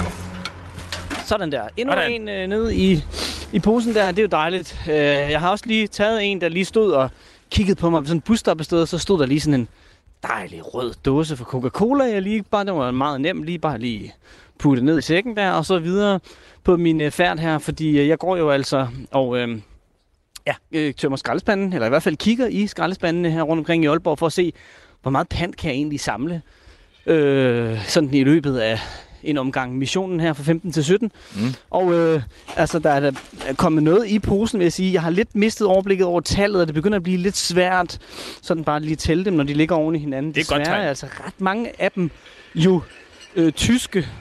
Og, øh, og altså, nu kommer der jo simpelthen en gående ind fra øh, en eller anden beværtning af en art med massevis af flasker. Men de, Er det til dig? de, har, de har indhold. Er det en de har indhold, desværre. Nå, du har pis. ikke nogen du har ikke nogen tomme øh, flasker, jeg kan tage med mig videre? Nej, desværre. Nej, Det, så. det er noget, vi skal med ud. Hvad siger du? Det er noget, vi skal med ud. Ja, okay. okay. Hvad gør I af jeres pant? Øh, det smider vi da til pant. Ja. Ja. Men du har ikke lige nogen sammen, vi kan tage med os videre til vores program? Desværre ikke, nej. Kan du ikke få Har du en? nogle gode tip til mig, jeg vil kunne finde det? I skraldespanden. Øh, Godt i gang der. Godt tip. Men det er godt. Jamen, øh, god tur. Nå, jamen, der var jo masser af pant der, øh, hvis det var, at de så bare ikke var fyldte jo. Men øh, ja, øh, fint nok. Det skulle jeg lige have et skud, ikke, altså, når nu Ja, vi er her. Jeg tænkte lige, om det var en lytter, der var kommet i, til undsætning, og så bare havde en, en ordentlig øh, spand fuld med. Jamen men altså, det er jo sket før. Vi har jo nogle af de bedste lyttere øh, i Danmark. Det er der ingen tvivl om. Men øh, nej, det var det desværre ikke. Så jeg går rundt, øh, som sagt, og kigger ned i skraldespanden og ser, hvad jeg kan få ud af det. Og som jeg var i gang med at sige, så er der faktisk rigtig mange af dem, der er altså udenlandske øh, dåser og flasker, øh, jeg finder. Men også fordi, så tager du Ja, den med vildt hjemmefra, og så øh, render rundt med den ude i, i offentligheden, så smider den. Hvor- Jeg tænker, det er sådan noget, man nyder derhjemme. Det ved jeg ikke, om det er, jeg er helt fejl. Ja, det jeg, jeg ved ikke, om der måske, jeg ved ikke, om der kunne være nogle, nogle enkelte kiosker, der også havde noget. Jeg ved det sgu ikke. Men, øh, De aalborgensiske men, øh, kiosker. Oh, oh, oh, oh, oh, oh. Her ligger der en flaske af en art i sådan en potteplante. Nå, det var sådan en lille vinflaske. Den er der ikke noget på. Men jeg tager den altså lige med mig, så den ikke ligger der og sviner. Den kommer også lige ned i posen. Altså, den bliver alligevel ikke helt fyldt op. Det er jo sådan en stor øh, affaldssæk. Så øh, jeg, jeg når altså ikke at få den fyldt helt op i dag, Anton. Det er jeg ked af. Men, øh, men målet, som vi har sat os, var jo de 80 kroner. Ja. Jeg kæmper stadig for det. Øhm, men jeg skal jo også lige nå et sted Kan du hen og lige få det på hos pantet. nogen, måske? Kender du nogen i området, som har noget pant? Et eller andet. Rasmus, vi skal have de 80 kroner. Ja, det kan godt være, at det, må, det, det er måden at, at, at gøre det på, at man skal begynde at banke på og sige, må jeg ikke godt få din pant? Ja. Åh, oh, oh, oh, oh, der er en skraldespand her, hvor der faktisk er nogen, det er første gang, jeg ser det, der har benyttet sig af. Der er nogle af skraldespandene, hvor der er et hul til flasker og dåser.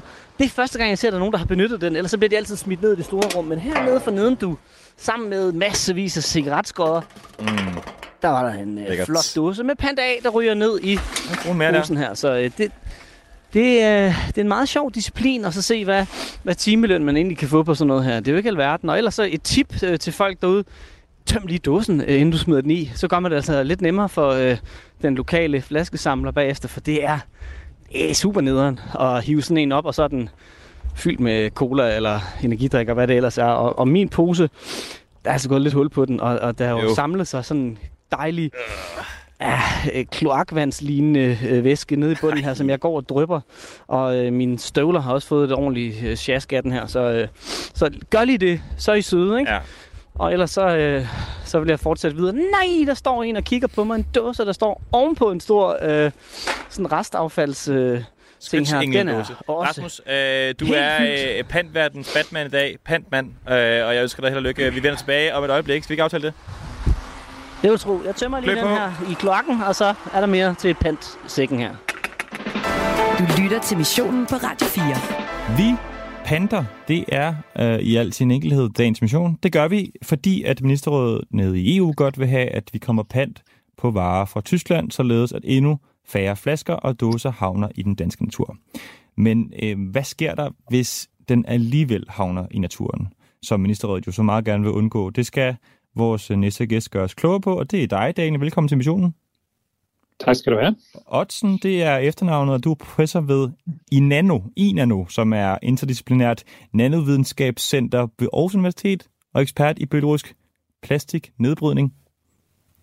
Det er korrekt. Ja, godt. Det var, det var lidt en tongue twister, men det er godt. Øh, men øh, Daniel, hvad, hvad sker der egentlig, når vi øh, kylder noget plastik ud i naturen? Øh, ja, problemet er, at der sker ikke så meget. Øh, Plastic is forever, sagde man jo som en hyldest i 60'erne, og øh, øh, plastik er jo øh, sat sammen sådan, at øh, naturen ikke rigtig kan finde ud af at bryde det ned. Så øh, det bliver egentlig bare hængende. Det går måske lidt i stykker, sådan rent øh, fysisk brækker det i mindre stykker. Og det gør det egentlig bare værre, fordi så er det sværere at, at samle ind. Men naturen har generelt meget svært ved at øh, gøre noget godt ved plastik. Hvorfor går det ikke i stykker? Det forstår jeg ikke. Ja, godt spørgsmål, men øh, det er fordi, at øh, plastik det, er- det er et øh, fremmedstof. Øh, vi øh, har jo brugt øh, kemisk magi for at øh, tage nogle øh, en olie, som selvfølgelig oprindeligt var levende væsen. Daniel? Daniel? Er du med mig? Og ja, du, kan du høre mig? Ja, du røg lige ud. Vil du lige gentage det, du sagde før? Lige øh, da jeg spurgte dig... Hallo? Ja. Kan du høre mig bedre nu? Nu kan jeg høre dig Eller rigtig hvad? godt. Vil du lige gentage det igen, du sagde før? Øh, ja, altså øh, det med at at plastik, grund til at naturen ikke rigtig kan forholde sig til plastik, ja. det er, at det er, det er et fremmed element. Ja. Og øh, det, er jo- det er fordi plastik er, øh, det er jo lavet af, med kemisk magi. Det er lavet af olie, som faktisk ikke rigtigt er et naturstof. Det er ganske vist fra levende organismer, men det har haft millioner af år til at hygge sig i undergrunden og blive til noget helt anderledes. Og, og så laver vi om på det øh, med nogle fantastiske, øh, smarte teknikker, men vi får nogle stoffer, som aldrig har været på øh, vores herres grønne jord før. Og derfor ved øh, naturen ikke, hvordan man skal takle det, fordi man har ikke set det før. Okay. Så hvis vi, hvis vi, Så- kigger, hvis vi kigger ned i et reagensglas og har et lille bitte stykke plastik, der ligger sammen med noget muld, nu siger jeg bare et eller andet, jeg ved ikke, hvad jeg snakker om, jeg er lægmand. Ja, ja. Altså, så sker der ingenting, eller hvad? Altså det, jo, altså det er jo, øh, naturen hader et tomrum, så øh, øh, der sker jo det, at øh, for eksempel kommer der nok nogle øh, mikroorganismer, så nogle bakterier, svampe, øh, det, de er jo over det hele, øh, og de flyver rundt i luften og jorden osv., så, videre. så de prøver nok, at ja, der er nok nogen, der havner på dem, og så hvis de kan gøre noget ved det, jamen så bliver de hængende, men øh, det kan de som regel ikke. Det, er- det er de færreste øh, mikroorganismer, der kan gøre noget ved plastik, og, og så ligger det egentlig bare der og bliver sådan lidt snavset til, men, men det bliver ikke nedbrudt og, og, og omsat til noget fornuftigt. Det giver ikke ophav til nye bakterier, som ligesom kan, kan æde det og, og få noget godt ud af det. Det, det hober sig egentlig bare op. Okay. Men så, Det er det, der er problemet. jamen, så er det jo meget smart, at vi har øh, det her skønne pandsystem herhjemme, ikke? Øh, Netop. Og, og nu kommer det her nye direktiv, så vi kan få pantet endnu mere, ikke? Øh, mm. Men kunne man altså i princippet øh, pante alt muligt plastik, altså emballage eller du ved, deslige, og, og bruge det igen, eller er der nogle processer der, som gør det særligt bøvlet? Eller Ja, altså øh, man, man kan sige, at øh, det er en super god idé at pante så meget som muligt, fordi at vi skal øh, i hvert fald forhindre, at folk smider ting ud. At det, det, er, det er simpelthen det, den ultimative øh, forlitterklæring, at, at at øh, plastik havner i naturen.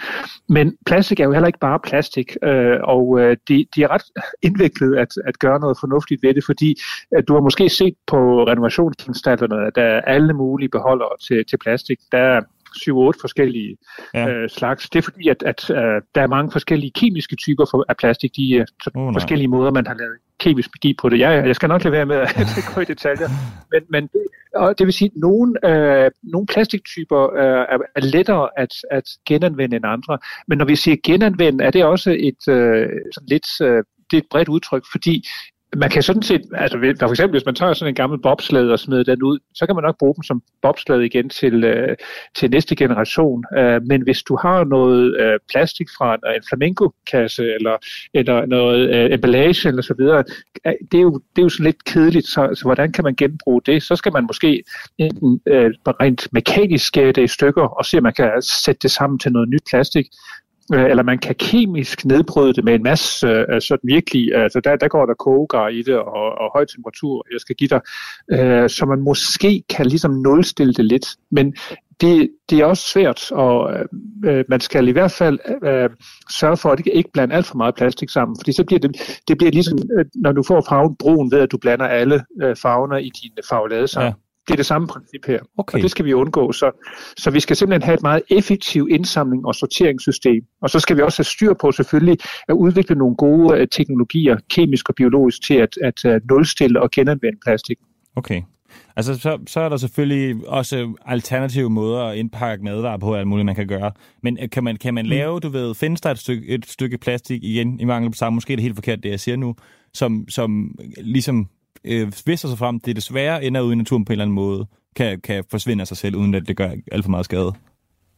Øh, det kan der øh, i forskellige grad, men igen, det, det, det er heller ikke så enkelt, men, men der, der er det, man kalder komposterbar plastik. Men, men kompost er ikke bare noget, du har i din øh, baghave, hvor du smider et par rådne æbler og nogle øh, grene og blade ned øh, af og til. Det er sådan noget, altså det, det er seriøs industrikompostering, hvor man har en kæmpe øh, beholder, og så sørger man for, at det er ret varmt, og der kommer ikke luft ind, og øh, så, øh, så er der nogle forskellige bakterier, der kan komme i gang øh, med det under, under de, de betingelser, med nogle særlige typer plastik. Okay. Så, så det, det, det kan lade sig gøre, men, men altså, der, der skal virkelig laves øh, en indsats for, for at gøre det ordentligt. Og vi har heller ikke nogen forkromet øh, sådan øh, universel løsning endnu. Det er noget, man virkelig arbejder meget med.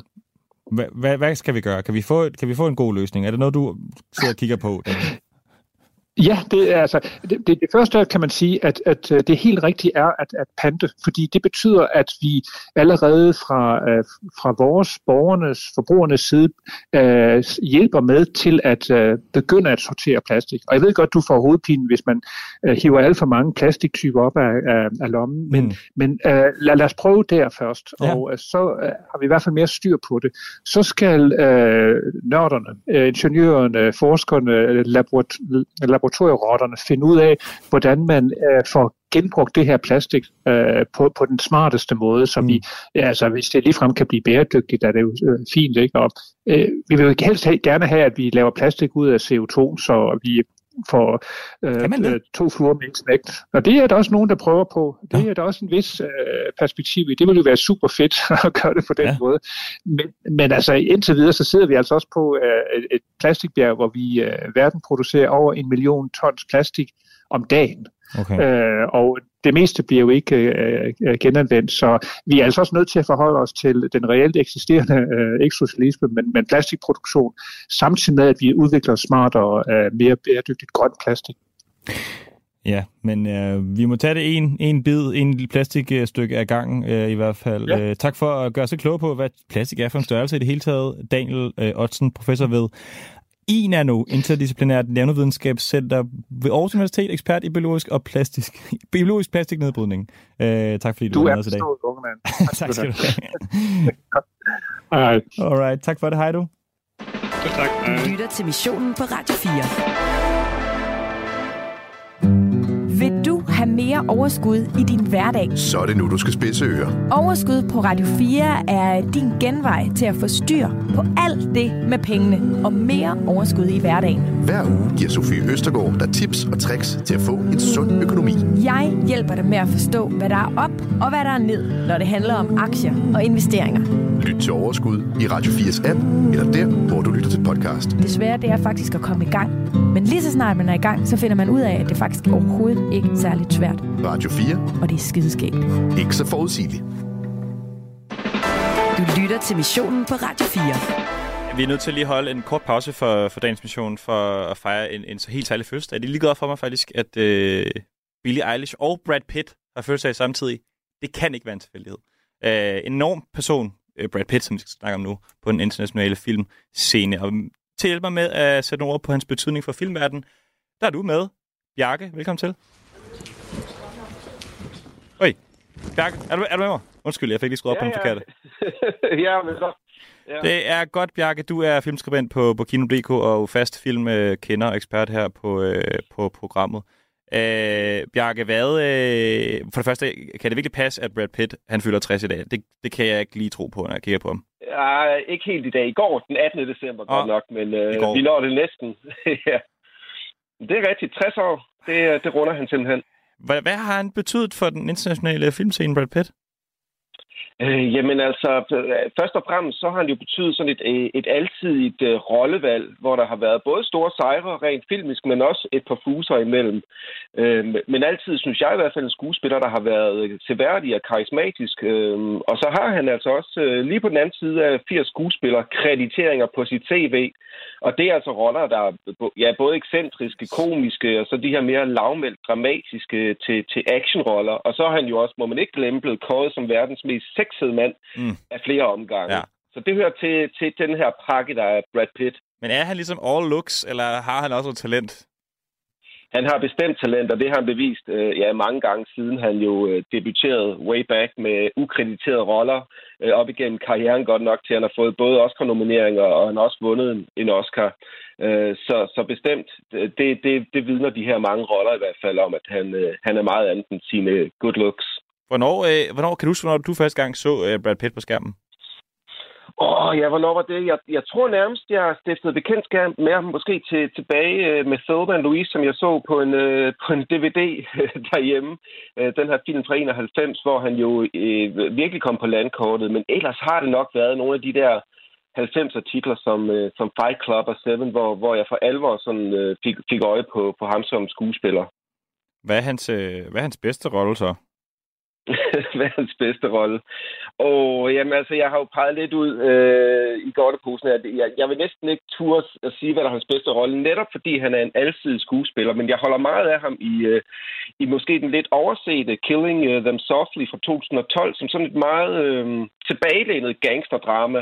Men altså, øh, se ham også i netop Seven, eller 12 Monkeys, eller Fight Club, eller i nyere tid også Quentin Tarantinos uh, Once Upon a Time uh, in Hollywood. Altså, det, det, det, det, det går fra det, øh, til, fra det gale til det, øh, til det komisk, til det meget rørende, synes jeg.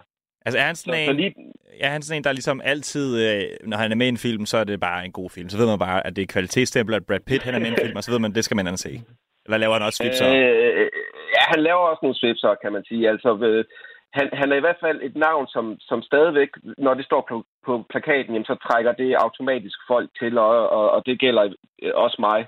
Altså, han fik jo cementeret sin, øh, sin status som, som skuespiller op igennem 90'erne øh, med, med det her startskud, hvor han for alvor kom på, på, på folks læber netop med Thelma Louise i sådan en, en, en lille birolle, hvor han stjæler den scene, han er med i der, de scener, han er med i der. Men, men ja, altså op igennem 90'erne og start 0'erne, der, der er det for alvor, der han, øh, han kommer på alle slæber.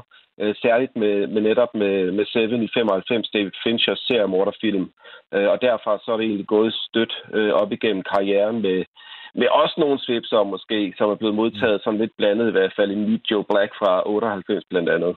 Altså, når, når jeg tænker på Brad Pitt, så tænker jeg sådan en, ja, øh, hvor han har sådan lidt en afdæmpet rolle, hvor han er, bare går og ser lidt ud over hjørnet, med måske med nogle, nogle solbriller på, eller sådan noget. Er, er, det ikke også lidt, er det ikke også lidt en del af hans appel? Det er han jo, er, altså en meget, meget smuk mand. Øh, jo, selvfølgelig er det en del af hans appel, men jeg synes også netop, at øh, han har bevist, at han kan, det, han kan også øh, være både det grimme og det gale. Altså tager man en film, som han så lavede, efter han blev cementeret som sexsymbol, netop med Thelma Louise i 91, så lavede han en film i 93, der hedder California, hvor han er en meget ubehagelig seriemorder øh, Mm. og, og, og voldig, øh, voldig partner til sin, øh, til sin bedre halvdel.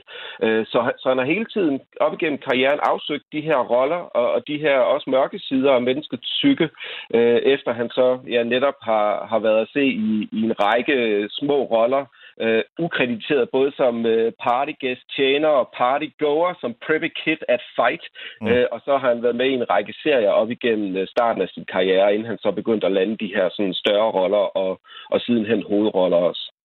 Hvordan har han ligesom udviklet sig? Han blevet, du ved, er han ældes med øne, han blevet ligesom, er det ligesom en rødvin, der bliver bedre og bedre med årene? Eller altså, du ved, skifter han i niveau? Eller hvordan? Kan du sige noget generelt om hans, hans karrieres udvikling? Jamen altså, karrieren den er egentlig gået måske sådan lidt klassisk netop fra de her øh, ukrediterede roller, øh, biroller, øh, op til mellemstore roller, så øh, de her helt store leading man-roller, øh, som en af de helt store A-lister. Øh, så, så, så jeg tror, han er i hvert fald en skuespiller, der har taget sin karriere meget i, i, i egen hånd, og, og hvad kan man sige, mere selvsikkert har kunne håndplukke og styre den, øh, jo, jo længere frem i sin karriere han er kommet. Han har også stiftet et øh, produktionsselskab, som jo har lavet en række film, som har vundet Oscars. Så, så på den måde, så er han jo også en del øh, af, af hele den her Hollywood-maskine som, som producer simpelthen. Mm. Så han, han, øh, han styrer sin karriere med, med mere og mere sikker hånd op igennem sin karriere og arbejder sammen med nogle af de største navne.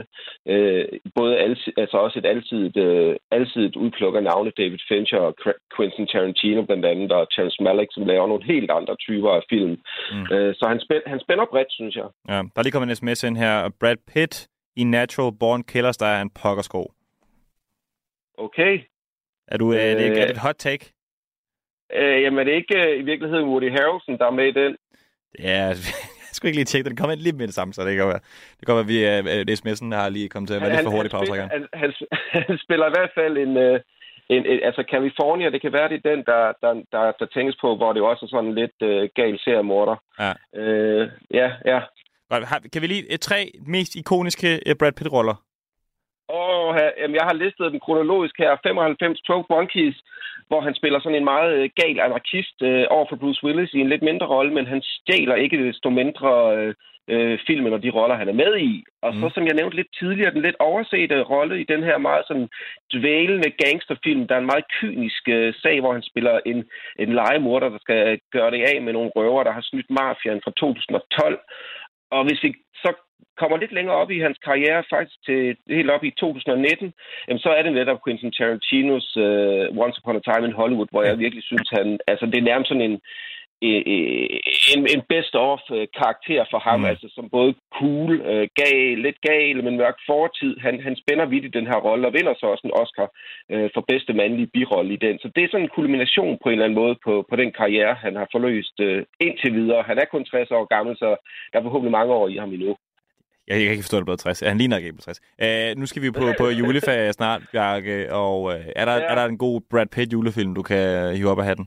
Åh, en julefilm, det ved jeg ikke, men der er i hvert fald en meget, meget festfilm i nyere tid, som jeg synes desværre blev forbigået en del, og egentlig også blev havlet øh, ned af, af kritikere, blandt andet Babylon fra 2022, altså sidste år, af Damien Chazelle, som er sådan en meget ekstravagant hyldest til Hollywood, både glamouren, men også bagsiden, hvor han spiller den her øh, stoiske stjerne Jack Conrad. Øh, så Babylon, synes jeg, er, er en festlig film. Og hvis man skal lidt mere tilbage i øh, julesædet, efter man har forædt sig i Rigsalmang og hvad ved jeg, mm. jamen, så er der den film fra 2007, der hedder The Assassination of Jesse James by the Coward Robert Ford, ja. som er sådan en, øh, en western-film, som øh, fik også stor ros i sin tid, men måske er gået lidt i glemmebogen igen, øh, fordi den måske er sådan, øh, hvad kan man sige, meget, meget rolig i, i sit væsen. Så, ja. så det er to film, jeg gerne vil, vil fremhæve i hvert fald. Kom jeg lige tænke på, at altså, i virkeligheden er der jo mange film, Brad Pitt er med i, hvor der er meget vold også.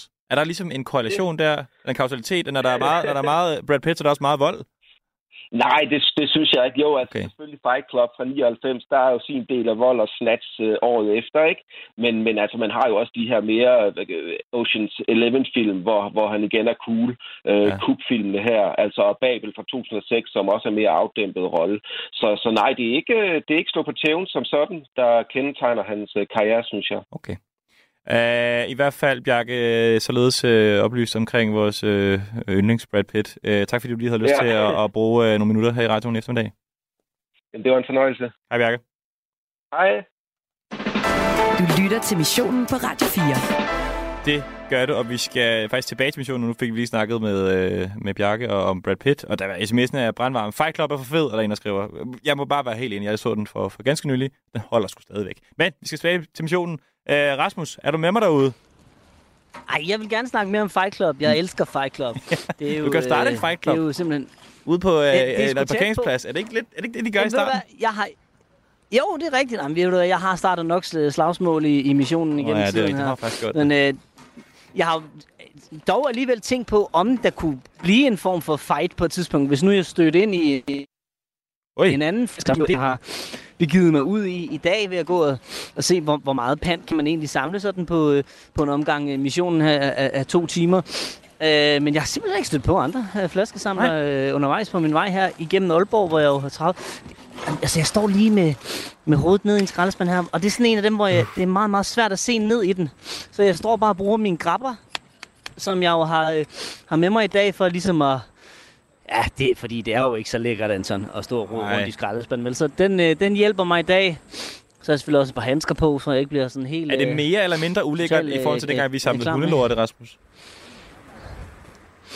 Altså, med hundelortene der, der havde jeg jo sådan en, øh, en skovl med, som jeg bare lige tog dem op, og så op i en, i en stor øh, affaldssæk. Ja. Her er jeg lidt mere hands-on faktisk. Altså, fordi når man lige skal have den op, og hvis man lige skal have tømt en, øh, en dåse, man finder for eksempel, så kan det jo være, at der lige sidder sådan en gang øh, McDonald's-papir, der er klistret ind i noget ketchup eller noget burgerdressing eller et eller andet. Så jeg har nogle gode plastikhandsker på, vil jeg sige. Og, øh, og så er der også det der med, at øh, jeg har også kun én pose i dag, og det, det er simpelthen urutineret. Fordi øh, med hundelortene, der gik jeg rundt med, der dobbeltbaggede jeg, eller hvad man nu kalder det. I dag går jeg kun med sådan en stor affaldspose, og der er en lille smule hul i, så jeg går altså stadigvæk og, og drøber lidt her. Øh. Og øh, det, hvis vi skal gøre sådan en lille mellemstatus, fordi øh, der er jo ikke så lang tid til, at jeg skal ind og, og have resultatet og smide dem her ind i en, øh, en flaskeautomat. Ja. Hvad er der? Hvad er der? Ja, det er lidt svært ved at se. Vi har i hvert fald rundet 20, 20 flasker. Øh, er, er der 30? Jeg ved Det er jo ikke men, til 80 men som jeg også har sagt flere gange. Nej, det gør det altså ikke rigtigt. Det var ligesom det mål, vi satte os til at begynde med. Men jeg har øh, godt nok kigget i mange skraldespande. Altså, øh, der er snart ikke flere skraldespande tilbage i Aalborg, jeg ikke har kigget i. Så kan man selvfølgelig tage turen tilbage for nu at se, om der er nogen, der så har smidt noget i den på vejen der. Men, øh, ja. Ui. Øh, ja, det er sådan noget, men øh, jeg skynder mig alt, hvad jeg kan, Anton. Og så... Øh, Rasmus, øh, der er lige, der skriver, pas på, og så det er jo se, øh, pas ting, på kanyler, udopstegn, udopstegn, udopstegn, er en, der har skrevet. Ja, pas, men... pas, passer du på det? Oh, du var, ja, vi har lidt dårlig forbindelse, Rasmus. Jeg skruer lige ned for dig, fordi vi har faktisk dårlig forbindelse, så øh, vi vender tilbage til Rasmus. Om et øjeblik øh, får lige han jo ud og, og samle pant, som er dagens mission. Han skal nå de 80 kroner. Han havde samlet 20-30 stykker lige nu. Det bliver jo ikke 80 kroner. Øh, men øh, hvis der er nogen derude i Aalborg-området, som har noget pant, find Rasmus nede i byen. Han, han render rundt øh, med hovedet ned i en trælspand og, og søger. Øh, men nu skal vi lige have et stykke med musik. Øh, Beyoncé også en af mine helt store favoritter, må jeg bare sige.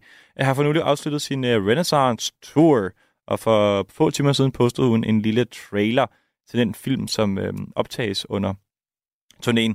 Hun startede med at øh, i talesæt af hendes fans, altså lagde hendes hjemmeside ned, da de skulle købe billetter til netop denne turné. Øh, vi skal høre numrene fra Renaissance, som er det seneste, øh, den seneste Beyoncé skive. Nummer hedder Virgo's Groove.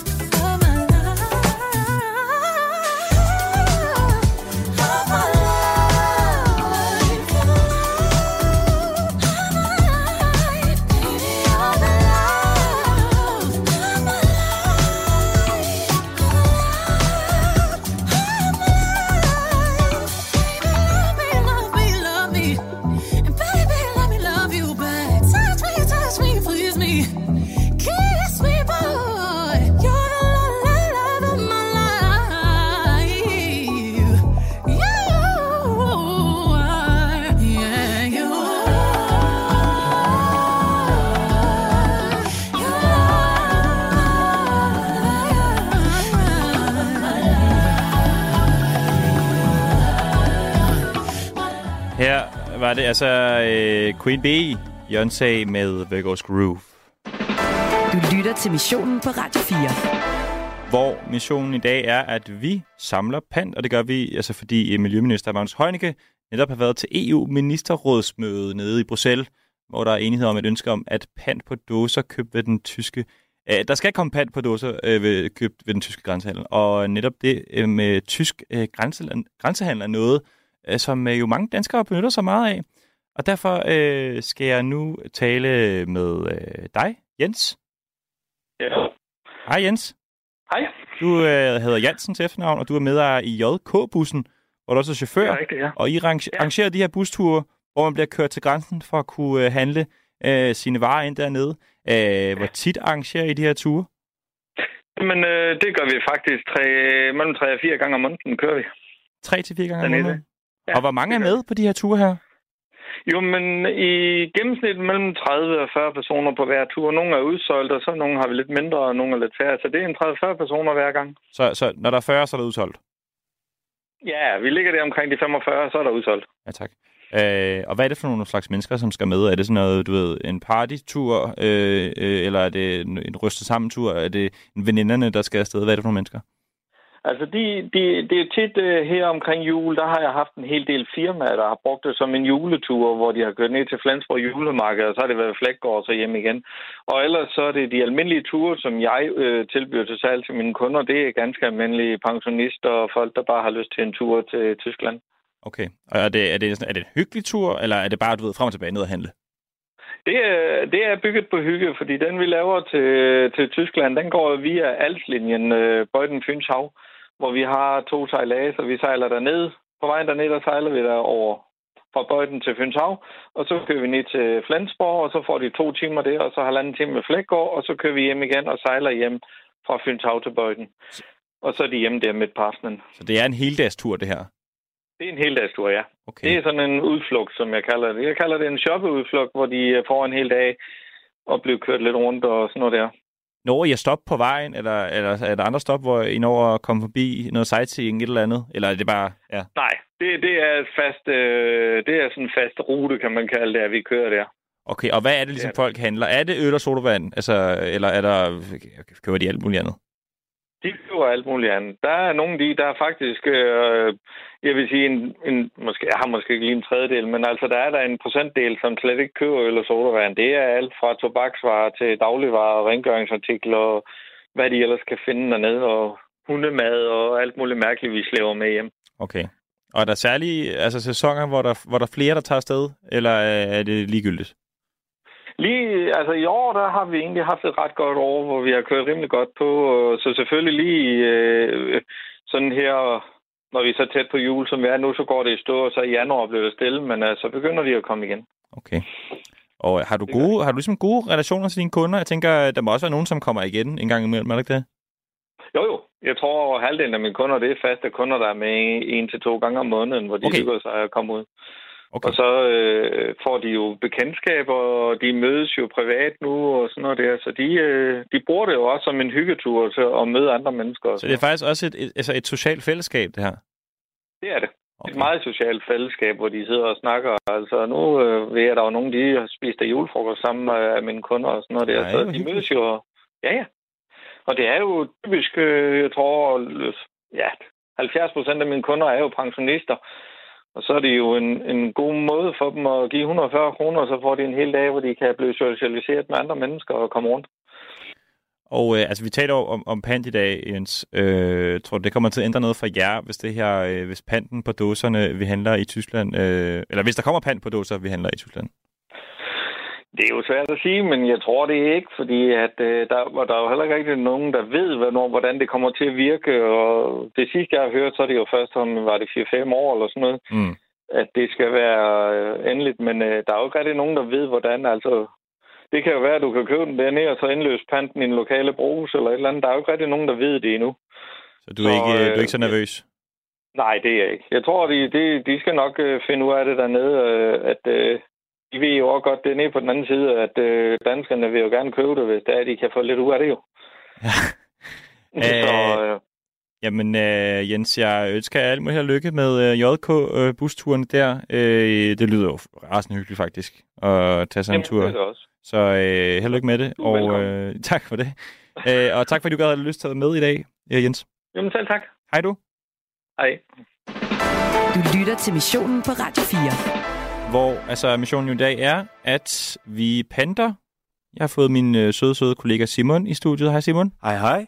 Og øh, jeg ved ikke helt, hvad vi skal, Simon, men der er noget med noget med quiz. Kan Ja. du sige noget mere? Ja, det er jo fordi, øh, det folk skal vide, er, at Anton er jo måske øh, det mest øh, selvsikre menneske, jeg nogensinde har mødt.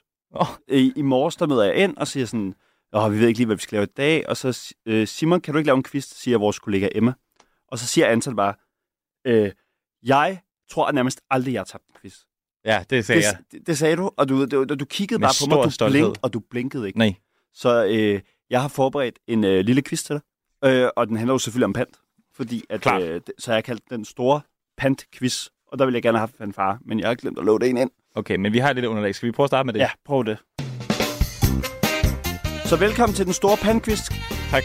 Vi skruer lidt ned for underlaget. Sådan der. Den Tak, der selvsikkerhed, du havde i morges. Ja. Har du stadig den? 100 procent. Okay. Jeg har fem spørgsmål til dig. Fem? Og hvis du øh, svarer rigtigt på et spørgsmål, så hører vi den her lyd. Den vil spille. Hvis, jeg kan, øh, hvis den kunne spille. Øh, Jeg skal skrue på Simons computer, for jeg ved. Den hedder Windows 2. Og men imens her kan jeg fortælle, at øh, jeg har brugt hele dagen på at lave den her quiz. Altså, jeg Okay, har jeg virkelig får brugt en hel arbejdsdag af skatte, skatteydernes penge. Okay. på at lave den her quiz. Jeg trykker på bosseren. Okay, men det første spørgsmål. Vi Ja. kører. Øh, det første spørgsmål er, hvor mange flasker og dåser blev der indsamlet i Danmark i 2021 ifølge Dansk Retursystem? Altså, det var jo 2 milliarder sidste år. Hvor mange øh, var det så i 2021? Ja. Det er det spørgsmål er. Altså, skal, hvor præcis skal jeg være? Øh, det, det, det, er cirka, det er cirka svar, det her. Okay. Øh, var det øh, under 1 milliard? Ja. Var det cirka 500 millioner? Som også er under 1 milliard. Var det øh, cirka 2 milliarder? Eller var det mere end 3 milliarder? Jamen, øh, jeg tror måske faktisk, at jeg har kigget på nogle tal lidt tidligere i dag. Øh, også i forbindelse med research. Jeg prøver at gøre mig umage, Vi skal- gør også umage her på Radio 4. Ja, ja, ja. Og nu har jeg jo... Øh, Det er jo ikke det, jeg vel? Nej, det er det ikke. Og nu har jeg jo øh, deklareret min overlegenhed i forhold til aldrig nogensinde at tabe en quiz. Så jeg vil sige, øh, hvad var det? Knap 2 milliarder? Det, det er mit svar. Jeg prøver lige. Jeg skulle... Yes. Jamen Anton, det var simpelthen korrekt. Det var faktisk øh, mere præcist 1,9. Ja. Jeg synes bare, det var sjovt skrive cirka. Ja. Øhm, jamen, øh, way Så- to go. far, so good. Way to go. Ja, og jeg vil sige, på højkant øh, får du den pant, som jeg har derhjemme. Nej, hvor dejligt. Øh, og det kan være, det, det kan komme ind senere. Okay. Øhm, så har jeg spørgsmål 2. Hvornår blev flaskepant indført i Danmark? A. 1902. B. 1923. C. 1942. Eller D. 1961. Hvornår blev flaskepant indført i Danmark? Uh. Det er et rigtig, rigtig godt spørgsmål. Tak. Jeg har også jeg er glad for, at du har stillet det. Øh, det er jo ikke før krigen. Jeg siger... Jeg siger 61. Nej! Ej, Hansen, det var faktisk... Men det var, du har ret i, at det ikke var før krigen. Det var faktisk under krigen. Ja, Det var i 1942. Okay. Flaskepanten... Tænk, man havde overskud til det dengang. Jamen, det var, et eller andet skulle vi jo lave. Flaskepanten øh, blev indført i 1942, hvor det på daværende tidspunkt kun omfattede glasflasker. Senere blev panten udvidet til at også omfatte plastla- plastikflasker, og i september 2002 blev dåser også en del af ordningen. Okay. Det var lige en fun fact. Det føler jeg er sent. Ja, det synes jeg også. Jeg, jeg, jeg husker som det var før, men sådan Ja. ja. er det. Igen, men jeg har gjort nogle med. Ja. Nå, næste spørgsmål. Hvor mange er vi? To spørgsmål dybt? To spørgsmål, og vi har fem. Og hvad, var, hvornår har jeg vundet? Øh, når du har øh, tre ud af fem. Okay. Øh, så tredje spørgsmål, her kan du faktisk allerede vinde. Øh, hvor mange kroners pant har jeg stående hjemme i mit køkken lige nu? Mm. Det, er jo så det, det er jo så det, du kan vinde. Åh, oh, ja, okay. klart. Er det for, jeg har, har jeg for A 10 kroners pant? B 22 kroners pant? C 31 kroners pant? Eller D 49 kroners pant? Vi talte sammen øh, tidligere, Simon, omkring, ja. og så gav du mig et råd, som mm. var det der med at øh, investere i noget mursten, men ikke for meget mursten. Ja. Ha' en lidt lille bolig. Ha' en lille bolig. Du så skal jeg, kunne betale den. Jeg skal kunne betale den, præcis. Så jeg forestiller mig, at det er bøvlet for dig at have psyko meget pant stående derhjemme.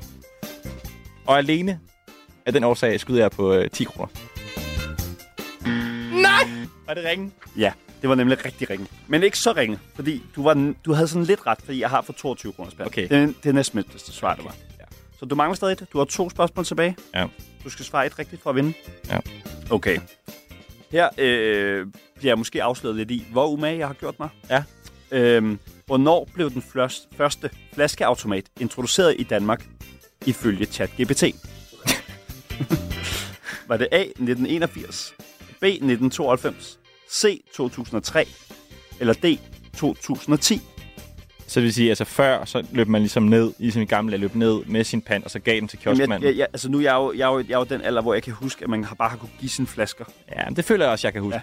Ja. Jeg er 26, kan jeg afsløre for lytterne. Jeg er 30. Øhm, 31. Uha. Øh, pff. men så har man måske kørt et parløb i nogle år, ikke? hvor man kunne det ene og det andet. Mm. Jeg startede i Menu i Himmelev øh, i 2013. Med aflevere pant? Øh, nej, der, arbejdede, der startede Okay, med arbejde. ja, jeg havde arbejdet pant tidligere. Øh, der var der et super øh, top øh, fancy pantsystem. Øh, så det har i hvert fald... Det har hvert, Vi skal have et svar. Ja, jeg, jeg, jeg prøver bare lige at resonere mig frem til det. Det har i hvert fald været der nogle år, så jeg siger, det er nu 92. Ej, hvor ringe. Anton. Jeg har tabt quizzen. Vi skal have... Vi har, vi har lige et sidste spørgsmål. Er det alt eller 2003? intet. Det er 1981. Men det er ifølge ChatGPT, så det kan godt være, du har. I don't know. Ja, whatever. så skal vi et sidste spørgsmål. Hvor meget pant er der typisk på en almindelig ølkasse? Er det A, 10 kroner, B, 12,5 kroner, C, 15 kroner, eller D, 25 kroner? Det her, det burde jeg vide, fordi jeg har pantet, øh, i- da jeg sad Og i kassen. arbejdet. Jeg arbejdede, da jeg sad i kassen i menu. Vi skal have et svar. Ja, øh, jeg siger 25 kroner. What the f... Det er 12,5 kroner. Du taber. Ej, jeg tager 4-1. Får jeg at vide. Ej. Ja, det, er, det er jo virkelig pinligt, når jeg på sådan havde en, en kæmpe øhm, energi i morges omkring, at jeg aldrig har tabt en Ja, ja, men altså sådan, øh, det er et maskefald for live for åben mikrofon. Ej, det er virkelig pinligt. Nå, men tak fordi du ville øh, komme ind og quizze mig lidt til mig. Det var så lidt, Anton. Du lytter til missionen på Radio 4. Hvor at øh, missionen jo i dag er, at øh, vi panter.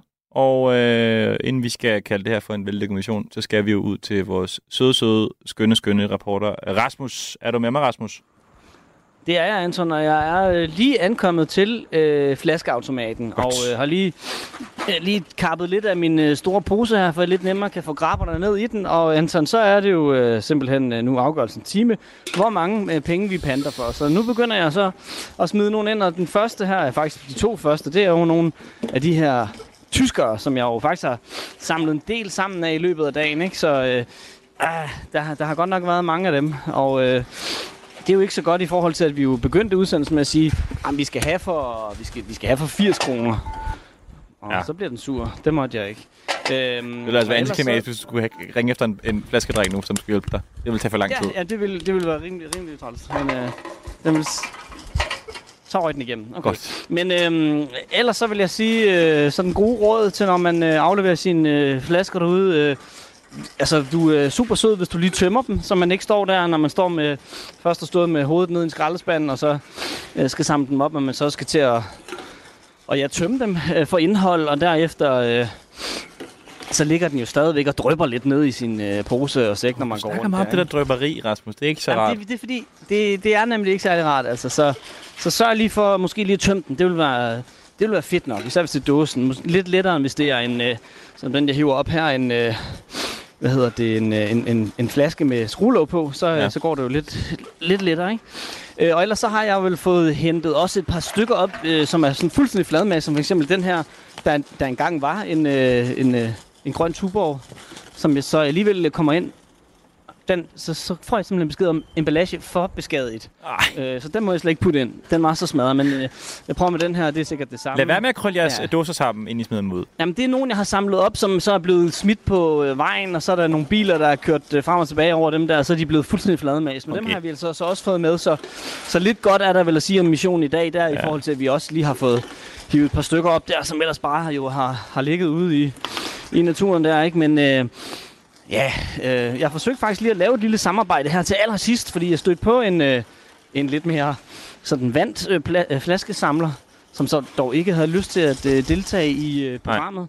fair nok. Øh, og øh, det, det må vi jo øh, respektere så ikke. Men jeg havde lige set min snit til, at vedkommende jo så kunne have fået øh, det pand, som vi jo så får lige om lidt.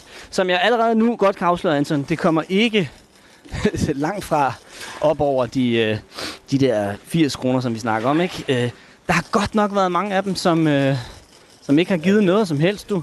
Vi, Den vi, vi sidste kommer smider, der, vi smider Simons noget. pant i puljen herfra. Der var, hvad var det, Ja. 22 kroner, Simon? Ja.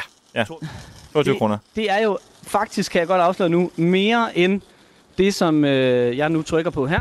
Udbetaling. Og lad os så se, hvad der står her. Please. 18 kroner lige ud.